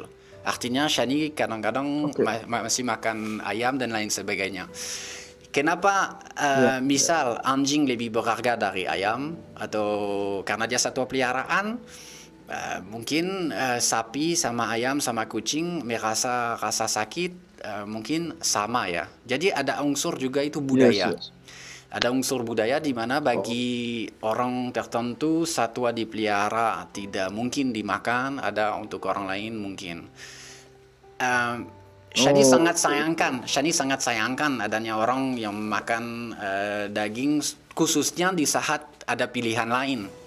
Tetapi eh, tidak Nah. tepat, Mm-mm. tetapi tidak tepat juga eh, merasa bahwa wajar aja makan sapi dan tidak wajar makan satwa yang lain. Mungkin kalau kita mau debat Ya, ya. itu menjadi eh, lebih besar, kita harus melihat di budaya yang lain. Um, Shani ingat sama suku anak dalam di Sumatera. Eh, suku Ya. anak dalam itu mereka percaya bahwa kalau kita udah pernah kasih makan sekali ke satu satwa, apa pun satwanya, kita tidak boleh makan. Itu menjadi tabu. Itu kepercayaan mereka. oke, Itu oke, adalah eh, apa namanya em, budaya mereka dan kepercayaan mereka. Masing-masing orang kan punya. Oke. Or, di Eropa ada hal yang sama tentang kuda. Ada orang yang makan kuda. Ada orang yang merasa tidak mungkin makan Oh, ada kuda. ya? Ada. Eh, di Indonesia juga, misalnya Di Eropa ada makan kuda. di, di, di Oh, iya, supermarket iya. pun itu Iya, bisa oke, bisa ada kuda. Jadi itu debat ini sebenarnya Oh. jangan kita menilai, gampang menilai orang karena dia makan daging satwa itu. Shani akan lebih perhatikan satu Oh, hal adalah bagaimana kita perlakukan satwa mana pun walaupun di ujungnya kita pelihara karena kita mau konsumsi tapi seperti apa kita Iya, pelihara, rawat, eh, dan juga bunuh gitu. Apakah kita orang yang sebarangan menyiksa satwa atau tidak? Tetapi dalam dalam dunia yang ideal karena Shani itu pecinta satwa, itu eh, Shani pengen itu kita bisa menghindar dari membunuh satwa-satwa itu. Tapi seperti yang Shani katakan, Shani sendiri aja belum eh, 100% vegetarian. Tapi kalau kita bahas Oh, dan oke, itu terakhir kalau kita bahas anjing dan dan kucing di Kalawet ada sapi. Kalau kalian lihat video ada beberapa video saya di YouTube, sapi bebas ikut patroli pun karena dekat dengan kami dan berperilaku sebagai satwa peliharaan sekali. Dia datang dan padahal mereka sapi. Pada umumnya orang akan melihat mereka dengan wajar aja kita bunuh untuk ma- untuk makan kan. Tapi kalau kita melihat mereka, Iya, iya, ya biasa. di Karawet kita melihat sebagai satwa peliharaan. Jadi tergantung sudut pandang kita. Jangan gampang hakimi orang hanya karena punya kebiasaan makan yang yang berbeda. Walaupun dalam hati Shani pengen itu tidak ada orang lagi yang makan anjing, kucing dan lain sebagainya. Tetapi jangan gampang menilai. Itu lebih rumit dari itu. Oke oke, tapi Sani pernah melihat sendiri nggak kalau di selama Sani di Borneo itu ada yang makan their own pet, makan anjing mereka sendiri gitu. Saya penasaran aja karena saya Ya, ada dari di tanah Jawa. Iya ya gimana gimana? Ah, ya memang pernah pernah di Kalimantan pernah di luar Kalimantan Ehm, ya sekali lagi itu sesuatu yang terlihat heran Ja- jangan Oh, gampang oke, oke. jangan kita kita kita menilai dan kita hakimi Em, kebiasaan-kebiasaan itu yang Oke, Shani nggak terima ya, ya ah, yang Shani nggak terima adalah kalau satwa itu disiksa sebelum dimakan, sebelum dibunuh gitu, atau dibunuh dengan cara tidak layak, Hmm. atau ini, ini yang tidak dapat diterima, Nah. diterima apa pun satuannya. Nah, nah ini Sani, ini menarik nih. Eh, sebelum lari ke situ, eh, dulu waktu Sani datang ke Indonesia, tanggapannya gimana? Atau biasa atau kaget waktu Sani melihat ada anjing dimakan untuk dikonsumsi? Eh, Waktu ini ini awal-awal. ya pa- pasti mungkin dari latar belakang Eropa, Shani mungkin eh, kaget juga tidak terlalu karena mungkin Shani juga pernah belajar lewat buku dan lain sebagainya bahwa em, beda tempatnya, beda kebiasaan. Yang terkenal di Asia kan Cina oke, untuk makan yang terkenal di Eropa itu eh, kebiasaan masyarakat di Cina yang memakan anjing tetapi tidak hanya anjing. Eh, Shani yang yang pasti gini, yang Shani yang tidak suka adalah Ya, orang ya, yang memakan daging apa pun dagingnya kalau tidak benar-benar butuh. Ini, ini yang yang yang kadang Nah. itu ada ada sifatnya ingin memakan ini padahal sebenarnya ngapain sih? Karena karena banyak pilihan yang lain, Nah, banyak itu satwa yang sudah mati. Itu Nah, itu itu aja, oke. itu tanggapan dari Shani. Oke? Oke Sani, ini Tim- eh, wait wait terakhir, Aha. wait terakhir ya. Ya, silakan. Ini just for information. Maybe you know atau maybe Sani udah tahu tapi ini hanya share terakhir aja. Saya ini ah, oke anehnya gini Sani.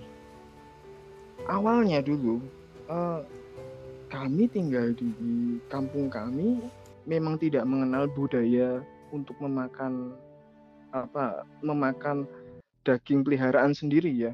Tapi bukan ini bukan bermaksud rasis ya Sani. Ini hanya cerita apa yang saya rasakan ya Sani. Jadi saya melihat sendiri cara dibunuhnya pun tidak aku nggak ngerti jadi cara dibunuhnya pun bukan Ya. bukan dengan cepat Ya itu ini supaya ini, you know kan ini yang Shani Shani bahas. know. Jadi happened ja- zamannya juga berubah. eh, Itu hal-hal seperti itu Iya. juga hal yang yang tidak dap- yang diterima dulu tidak dapat diterima sekarang. Ini harus berevolusi. Ini kita itu lebih ke etika. em, ada ada juga Lomson Ah, nih di di, di oke, YouTube. to the point aja saya Ya, yang yang mengatakan tadi cara membunuh untuk mengkonsumsi itu yang penting sekarang itu kita terlalu jauh eh, terdiskoneksi dengan daging yang kita makan. Shani setuju banget bahwa banyak orang yang merasa sayang dengan binatang, Iya. tetapi eh, masih mengkonsumsi atau masih ke fast food dan lain sebagainya kan.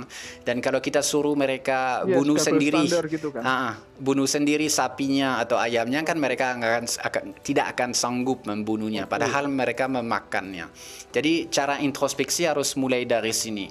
Kalau melebihi kebutuhan kita kita makan misalnya satwa liar eh, hanya karena gengsi eh, atau pokoknya makan daging yang kita benar tidak benar-benar butuh ini yang Shani rasa letaknya salah. Selain dari itu itu, dia masanya Sani Mhm, mhm.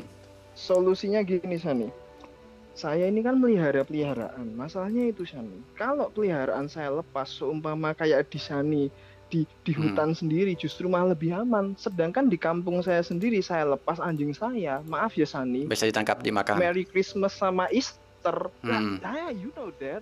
Kan ya jadinya tidak saya sendiri ya. dan keluarga yang rugi gitu. Oke. I don't know. Whatever. Ya.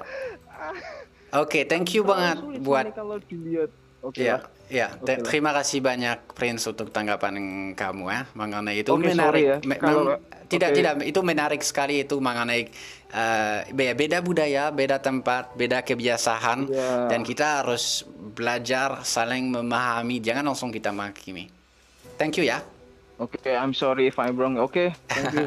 Yo, terima kasih.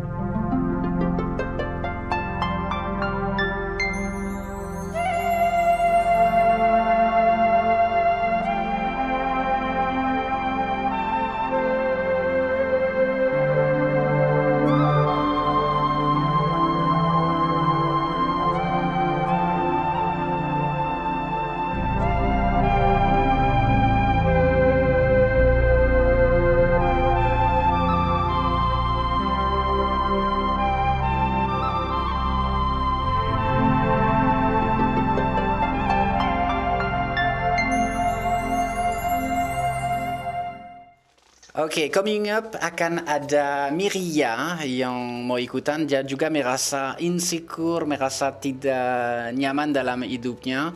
Eh, tetapi untuk sementara ada seseorang yang mau memberi eh, saran atau masukan singkat buat eh, Prince. Tapi sebelumnya Shani tegaskan, nah, kita harus belajar saling eh, memahami. Jangan sampai kita saling menilai karena kebiasaan-kebiasaannya. Kita bisa menilai seseorang dengan cara dia merawat dan satwa dan lain sebagainya, tetapi jangan masalah kebiasaan itu lebih rumit dari sekedar menilai dengan dengar cuma satu orang. Halo, Halo, selamat malam. Itu dengan siapa? Oh, ini dengan Siapa? Siapa? Oke, a- apa yang kamu mau sampaikan buat buat Prince? Singkat.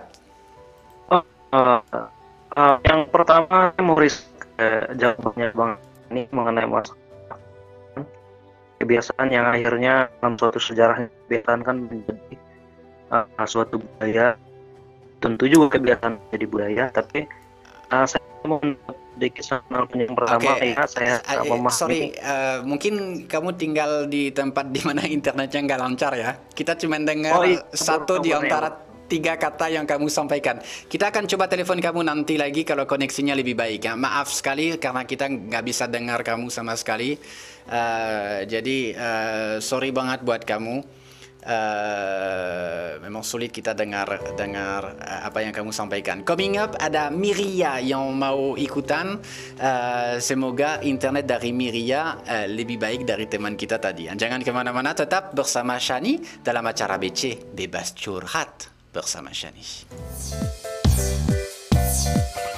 Kalawit Radio.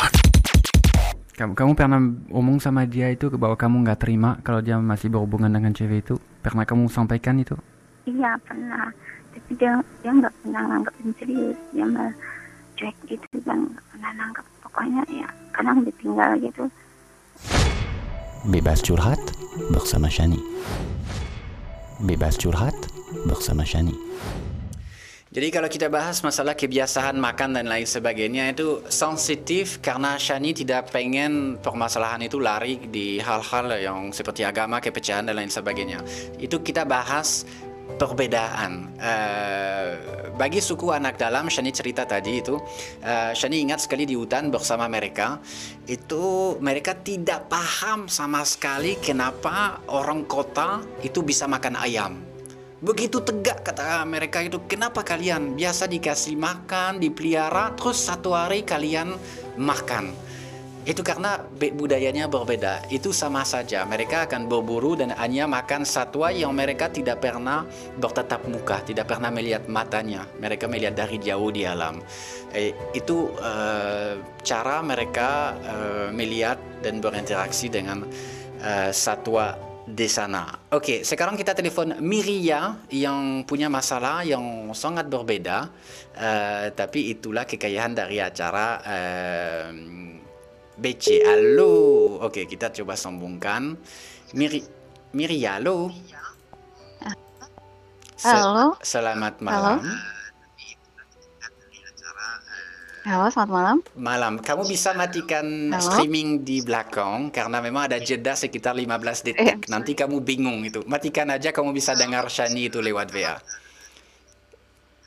Oke, halo. Halo. ya. Oke, sudah dimatikan ya. Eh, eh, Oke, silakan Miria. Oh. Kenapa kamu merasa eh, insecure, eh, tidak pede dan dan coba cerita semua sama Shani.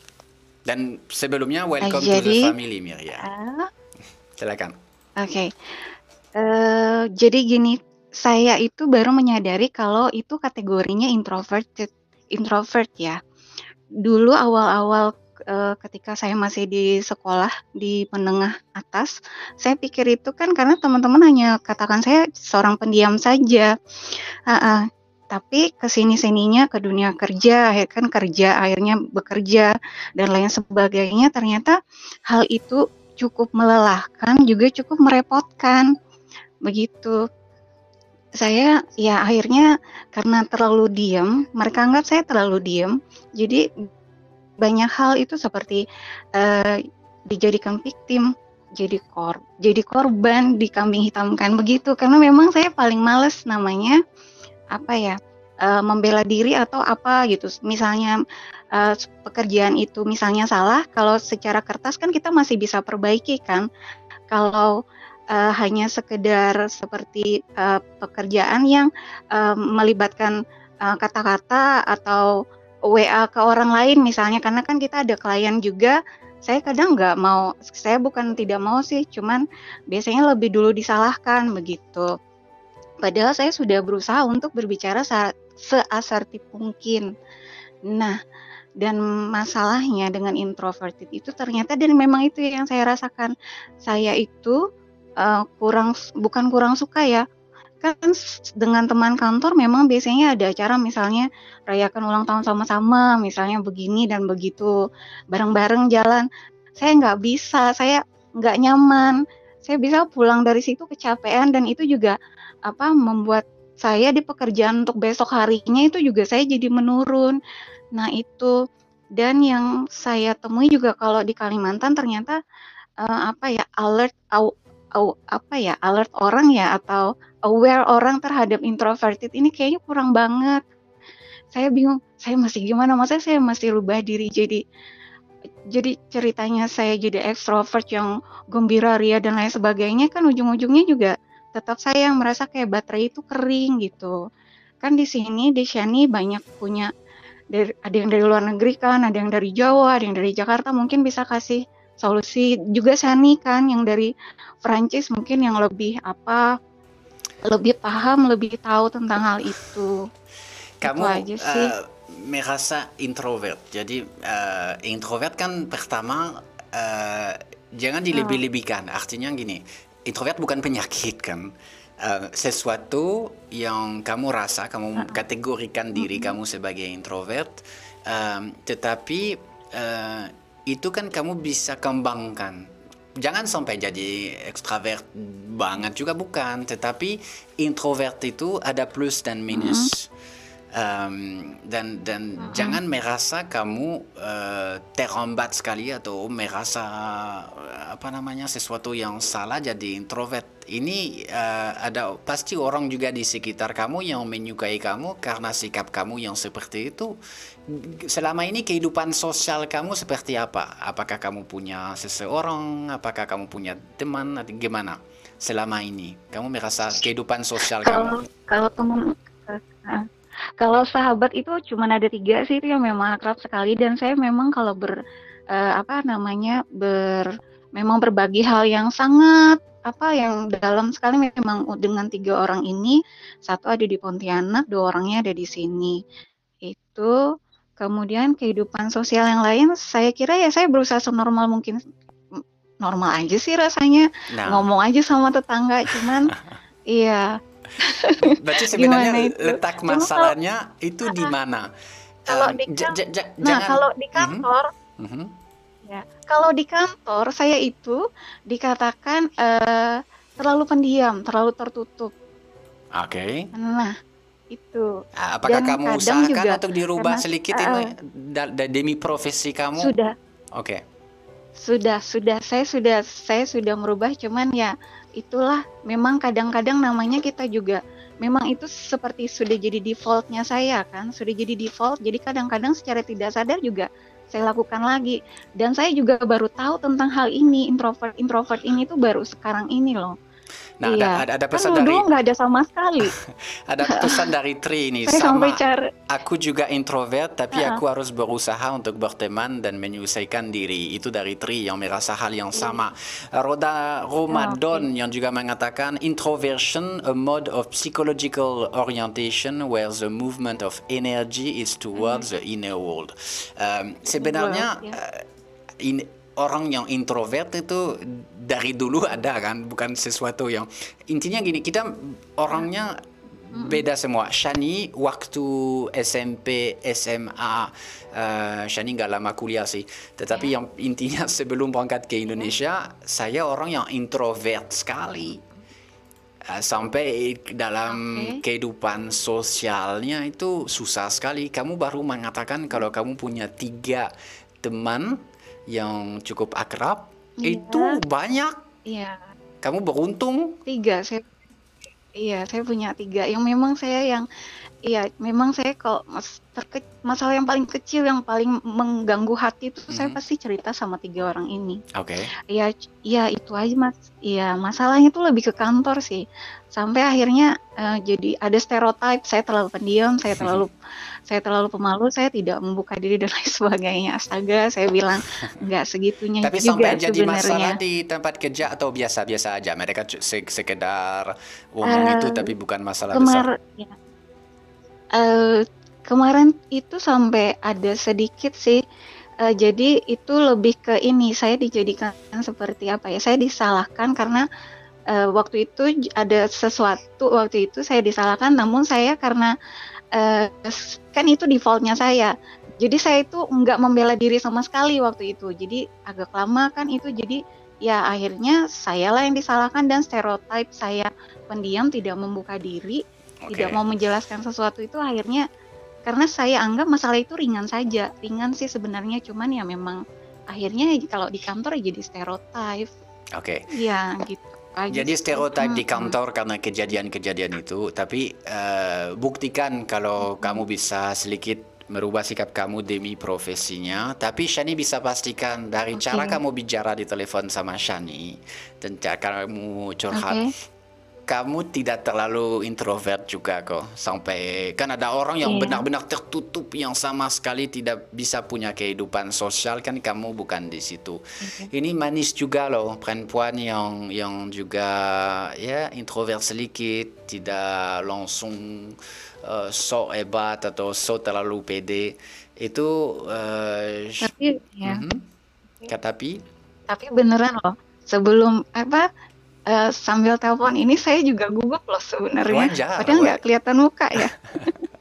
Tapi wajar, gugup itu wajar. eh, apa merasa Iya. kurang percaya diri di saat tertentu wajar. Habis itu juga yang berkaitan dengan kepercayaan diri adalah suasana.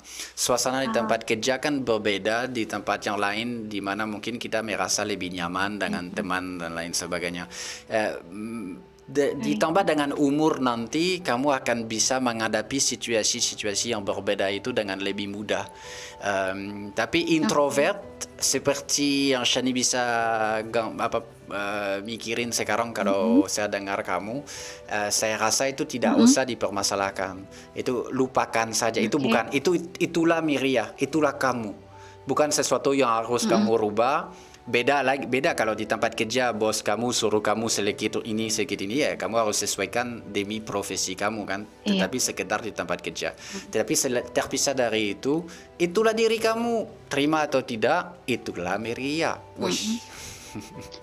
Please, thank you. Oke. Thank you banget. Oke thank you buat kamu Iya. terima kasih banyak Ah, thank you banget. Terima kasih. Selamat malam. Kalawit Radio 99.1 FM Alangkah Raya Bebas curhat bersama Shani.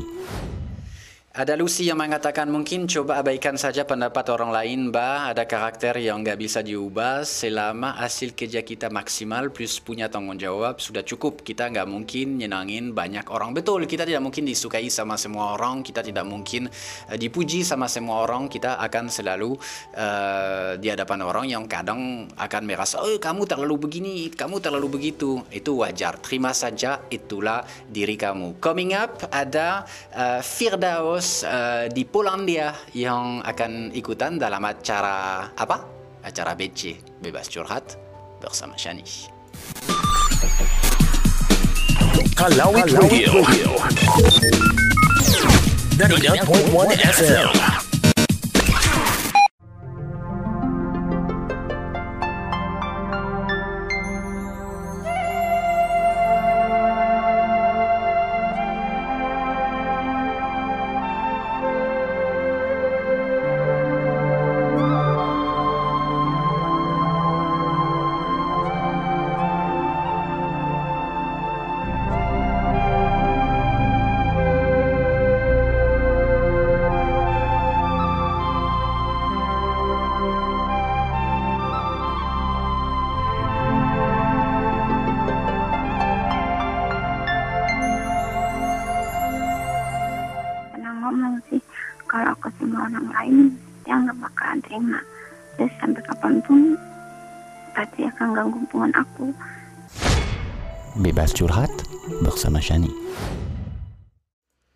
Kita masih bersama dalam acara BC Bebas Curhat bersama Shani dan sekarang kita putar satu VN. Shani ambil resiko karena Shani belum dengar sebelumnya dan tidak ada nama. Kita dengar apa yang mau disampaikan. Halo, selamat malam buat Bang Sani ya. Saya mau ngasih saran buat Tina. Sarannya dari aku sih tetap semangat aja, jangan menyerah buat Tina. Semoga hubungannya sama adiknya baik-baik aja nanti. Ke depannya aku doain semoga baik-baik aja. Pokoknya jangan menyerah. Terima kasih. Bang Sani, selamat malam. Oke, thank you buat kamu yang sudah ninggalin pesan buat Tina yang menjadi penelpon pertama tadi. Buat kamu yang mungkin barusan gabung bingung siapa itu Tina. Tina yang ikutan di awal acaranya sudah empat eh, tahun tidak berhubungan dengan adiknya karena adiknya pernah berhubungan dengan laki-laki yang punya istri dan eh, Tina pernah eh, hubungi istri orang tersebut untuk em, mengakhiri hubungan cowoknya sama adiknya. Sejak itu memang ada masalah dengan dengan adiknya. Terima kasih buat kamu yang sudah kirim pesan. Buat teman-teman yang lain mau kirim eh, voice note, silakan. Cuman kasih tahu nama eh, dan cukup tertulis. Saya mau kasih saran. Jadi sebelum Shani play, eh, Shani bisa eh, tahu apa yang dan siapa yang kirim. Dan coming up ada Firdaus. Jangan ke mana-mana. Bebas curhat bersama Shani. Kita jauh kali ini kita ke Polandia, tapi buat dia itu tengah hari ya. Eh, di sana Firdaus eh, yang mau curhat eh, sama Shani malam ini. Halo. Halo, selamat malam. Eh, selamat siang mungkin buat kamu di sana. Ya. Sore lah. eh, masih si sore sore, Sore, ya, sore. jam 4 sore. Jam 4 Polandia. sore. Oke, kamu eh, di Polandia, di kota mana di Polandia? Uh, living in Warsaw, di Warsaw. Warsaw, oke. Warsaw. Ya. Oke, Firdaus, eh, kamu mau curhat tentang apa? Silakan. Sebelumnya, welcome to Oh, the but- family. Okay, thank you very much, Shan. Uh, Shani, sorry. Before moving to my story, uh, terima kasih banget sudah diberikan kesempatan untuk mungkin curhat di uh, your YouTube channel. You know, I've been watching your uh, videos on YouTube dan video-video di Kick Andy. It Okay. make me inspired to Thank you, Firdaus. sebagai iya sebagai orang asing untuk uh, tetap menjaga to be a environmental uh, Yeah. uh, enthusiast in Indonesia. Di curhat saya uh, tentang uh, hubungan sebenarnya. Jadi uh, back to 2017 di Indonesia, saya sebenarnya punya hubungan dengan seorang wanita, kemudian it's then broke up. Kemudian uh, my family, which is my parents, memberikan referensi seseorang dan memperkenalkannya itu kepada saya yang kemudian um, apa sih namanya? Uh, I cannot say itu dijodohkan atau tidak tapi mereka memberikan pilihan yang terbaik untuk saya. Sampai saat ini saya menja- eh, menjalin hubungan yang baik dengan dia. Tapi eh, apa sih namanya? Bahkan sekarang kita berencana untuk eh, ke gerbang yang lebih serius di mana sebentar lagi kita akan menikah. Tapi eh, satu sisi eh, sebenarnya saya masih belum eh, apa ya kenal nih orang. Karena selama dua tahun ini saya belum pernah ketemu sama sekali. Ya sebelum saya datang kuliah ke Polandia kemudian saya belum pernah ketemu sama sekali dengan orang ini. But my family uh, meet her sebelumnya karena mereka lebih lebih kenal. ke- bentar, kamu Sampai sama sekali nggak ketemu. Bukan dengan ini. kamu berangkat ke Polandia setelah ketemu dia. Kamu sama sekali nggak ketemu. Kamu tidak tahu itu siapa. Ah, di maksudnya kalau komunikasi secara uh, you know by WhatsApp or by telepon secara nyatanya we kamu did, tidak pernah ketemu ketem- calon istri kamu. ya belum pernah Oke, belum pernah oke. belum pernah I haven't met her yet Oke, kamu Terus, belum ketemu dia. jadi sampai sekarang saya belum yakin bahkan uh, I been here for, almost two years and and jadi walaupun kita udah menjalani selama dua tahun tapi belum rasa itu masih belum ada seperti itu Tetapi eh, ini eh, orang tua kamu mau jodohin kamu kan dengan dengan perempuan tersebut. Ini cara kerjanya kan kasarnya. it is it is ya Ya. Eh, Iya, iya. Kamu sendiri perasaan kamu itu terpisah dari rasa hormat kamu dengan orang tua kamu dan lain. Kamu sendiri eh, gimana perasaan kamu tentang itu?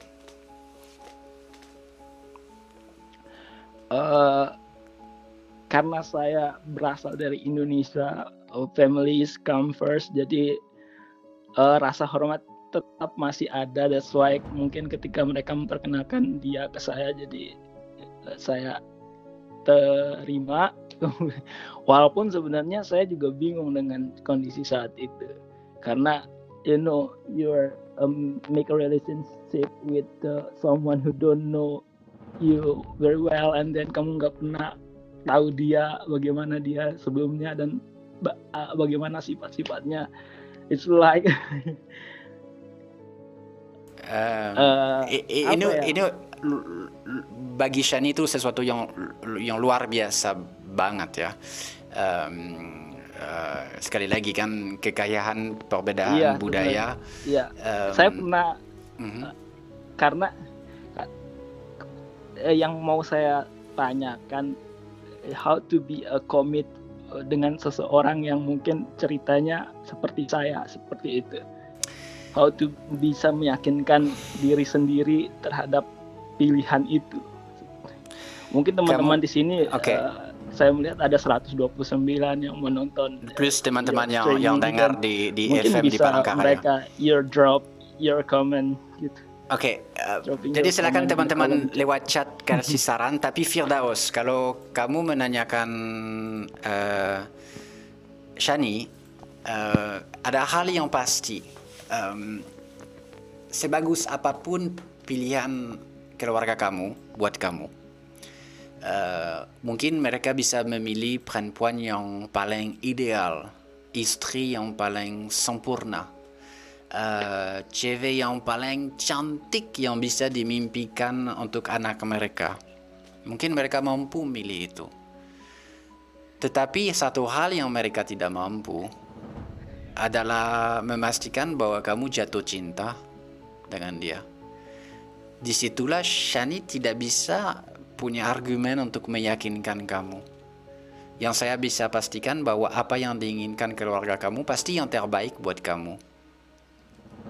Tetapi apakah kita berani menjalankan hubungan, membangun rumah tangga dengan seseorang yang belum tentu kita cintai? Ini pertanyaan yang sebenarnya. Apakah Firda makanya tadi di awal Shani menanyakan Firdaus tentang perasaan itu. Eh, pilihan yang tepat yang dirasakan oleh orang tua, apakah itu melebihi em, perasaan kalau Firdaus sendiri? dari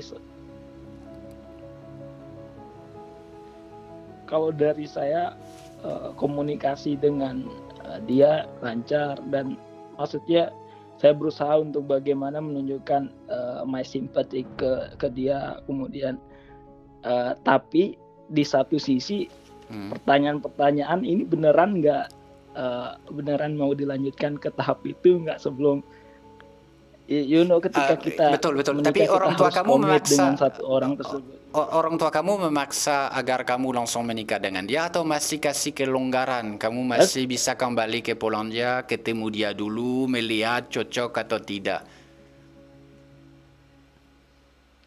Eh, sebenarnya eh, eh, tidak terlalu memaksa hanya saja eh, mereka mengatakan bahwa ini orang ini sangat cocok buat kamu. Dan saya juga belum pernah memperkenalkan siapa pun kepada keluarga. Jadi that's why mereka inisiatif untuk memperkenalkan orang itu ke saya. Jadi eh, sampai saat ini pun saya masih berusaha untuk salah nggak sampai saat ini saya mencoba untuk menjalin hubungan juga dengan beberapa orang lainnya gitu. Hanya untuk meyakinkan seberapa seben- eh, seberapa eh, perasaan saya ini tendensinya ke dia gitu seberapa besar Oke. Em, s- salah menurut Chani tidak karena kamu seorang pria yang mencari cinta. Eh, selama kamu menghargai semua pihak dan jujur dengan semua pihak tidak ada salahnya. Eh, dengan calon yang dipilih sama orang tua kamu, saran Chani adalah jangan bicara terlalu jauh kalau belum ketemu orangnya. Eh, bisa berandai-andai, tetapi jangan termakan janji atau omong terlalu jauh kalau belum ketemu orangnya. Eh, Shani pengen Firdaus eh, menikah orang yang tepat, bukan hanya menurut keluarga Kak Firdaus, tetapi menurut kamu juga. Se- karena ingat satu hal ya, Eh, karena mungkin yang menjadi dasar kamu adalah jangan sampai saya mengecewakan orang tua saya ya kan. Pasti kamu ada pikiran itu. Tapi kamu harus ingat satu hal bahwa orang tua mana pun tidak akan mau melihat anaknya sedih, tidak bahagia. Andai pun besok orang yang kamu milih sebagai pasangan hidup kamu bukan pilihan mereka, tetapi di pada akhirnya mereka melihat anak mereka bahagia, anak mereka punya rumah tangga yang harmonis dengan pilihan kamu. Mereka sebagai orang tua mereka akan sangat bahagia. Jadi hargailah usaha dan pilihan dari orang tua kamu. Siapa tahu kamu juga pertama kali ketemu uh, perempuan itu dan kamu akan langsung jatuh cinta. Semoga. Uh, jadi jangan tutup pintu, tapi jangan omong terlalu jauh kalau kamu belum ketemu orangnya. Ini sekedar saran dari Shani. Uh, nanti Shani sarankan kamu lihat chatnya itu banyak teman-teman yang memberi uh, saran. Buat Firdaus ada dari Dede, jadilah diri sendiri sayang. Perkawinan bukanlah coba-coba, bicaralah yang bijak dengan keluarga kecuali kalau sudah ketemu terus merasa cocok, cocok boleh berlanjut. Pada intinya jangan bicara terlalu jauh, terlalu serius kalau belum ketemu. Oke? Oke. Ter- terima kasih banyak uh, Shani kemudian teman-teman yang dropping your your comments in the chat room and then your suggestions mean a lot to me. Thank you. Salam dari uh, Eropa Timur. Selamat okay. sore. Terima kasih Shani. Terima kasih banyak buat kamu Firdaus.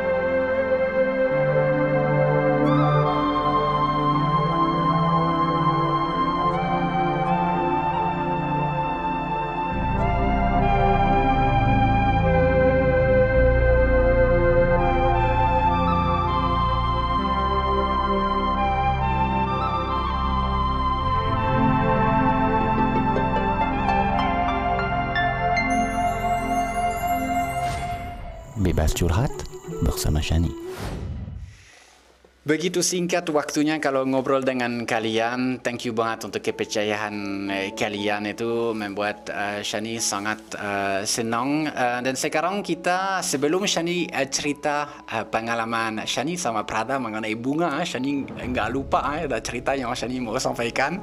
Um, kita dengar satu WN dari Vera. Kayaknya ngefan sama Andrew apa yang disampaikan. Terus terang saya juga belum dengar. Halo, selamat malam Om Shen. Perkenalkan, saya Vera dari Tangerang. Asli saya dari Kebumen, Jawa Tengah. Langsung saja Om ya. Berawal dari minggu lalu, lihat Andrew di TikTok, terus kepoin dan akhirnya ketemu YouTube-nya Andrew. Dan saya tonton dari jam 10 malam sampai jam 3 pagi. Kebetulan saya lagi kerja shift 2 sejak mulai itu saya benar-benar jatuh cinta semua tentang Andrew. Oh my god. Sampai akhirnya tertarik sama channelnya Om Sen dan Mama Prada. Tidak terlewat satupun video tentang keluarga Kalawet ya Allah aku seneng banget terutama Andrew dan anehnya saya dibuat gila dan terus kepikiran tentang kehidupan Andrew yang sangat menyatu dengan alam minta sarannya agar rindu yang tak berujung segera terobati walaupun mustahil untuk bisa bertemu dengan keluarga Shen terutama Andrew. Terima kasih ya Om ya. Gawat ini. Oke, okay, thank you buat kamu Vera yang sudah ninggalin pesan apa ya untuk ngobati rasa rindu ya nonton aja terus videonya itu terus terusan. thank you banget yang pasti untuk supportnya untuk kesetiaan Vera menonton video-videonya. Uh, Andrew ada di samping saya, saya lihat itu lagi senyum-senyum itu. Oke, okay, thank you banget untuk kebersamaan. Jangan ke mana-mana. Satu lagi sebelum Shani menutup acaranya pengalaman di Paris bersama Prada. Bebas curhat bersama Shani. Ceritanya uh, kami ada di Paris beberapa hari untuk liburan dan uh, sebenarnya uh, waktu di di Prancis mulai habis mau kembali ke Indonesia. Uh, dan Shani uh, sendiri di jalan mau kembali ke hotel untuk ketemu Prada. Uh, dan Shani melihat di pinggir jalan ada bunga-bunga. Kalian tahu kalian nonton video-video dari Prada yang begitu suka dengan tanaman. Dan Shani beli bunga bunga mawar simbol cinta. Uh, romantis sekali kan kita di Paris dan saya beli bunga, saya langsung ke hotel dan memberi bunga ke Prada. Dan kata yang pertama yang diucapkan oleh Prada adalah, kok baru sekarang? Jadi bukannya terima kasih, tetapi seharusnya itu pas mulai adanya di Prancis, pada saat itu seharusnya saya uh, beli bunga. Itulah perempuan selalu ingin diutamakan.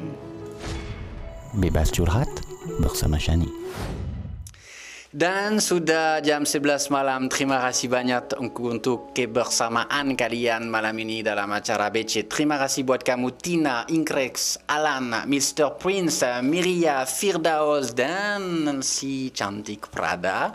Uh, thank you banget untuk uh, kebersamaan kalian. Terima kasih banyak juga untuk semua teman-teman yang ada uh, di chat. Ada Prada di chat yang mengatakan maaf ya sayang. dan terima kasih juga buat semua yang lain uh, yang sudah dengar di Radio Karawai di 99,1 FM di Palangkaraya. Tentu saja kita ketemu lagi malam minggu depan dalam acara yang sama BC Bebas Curhat bersama Shani. Bye-bye.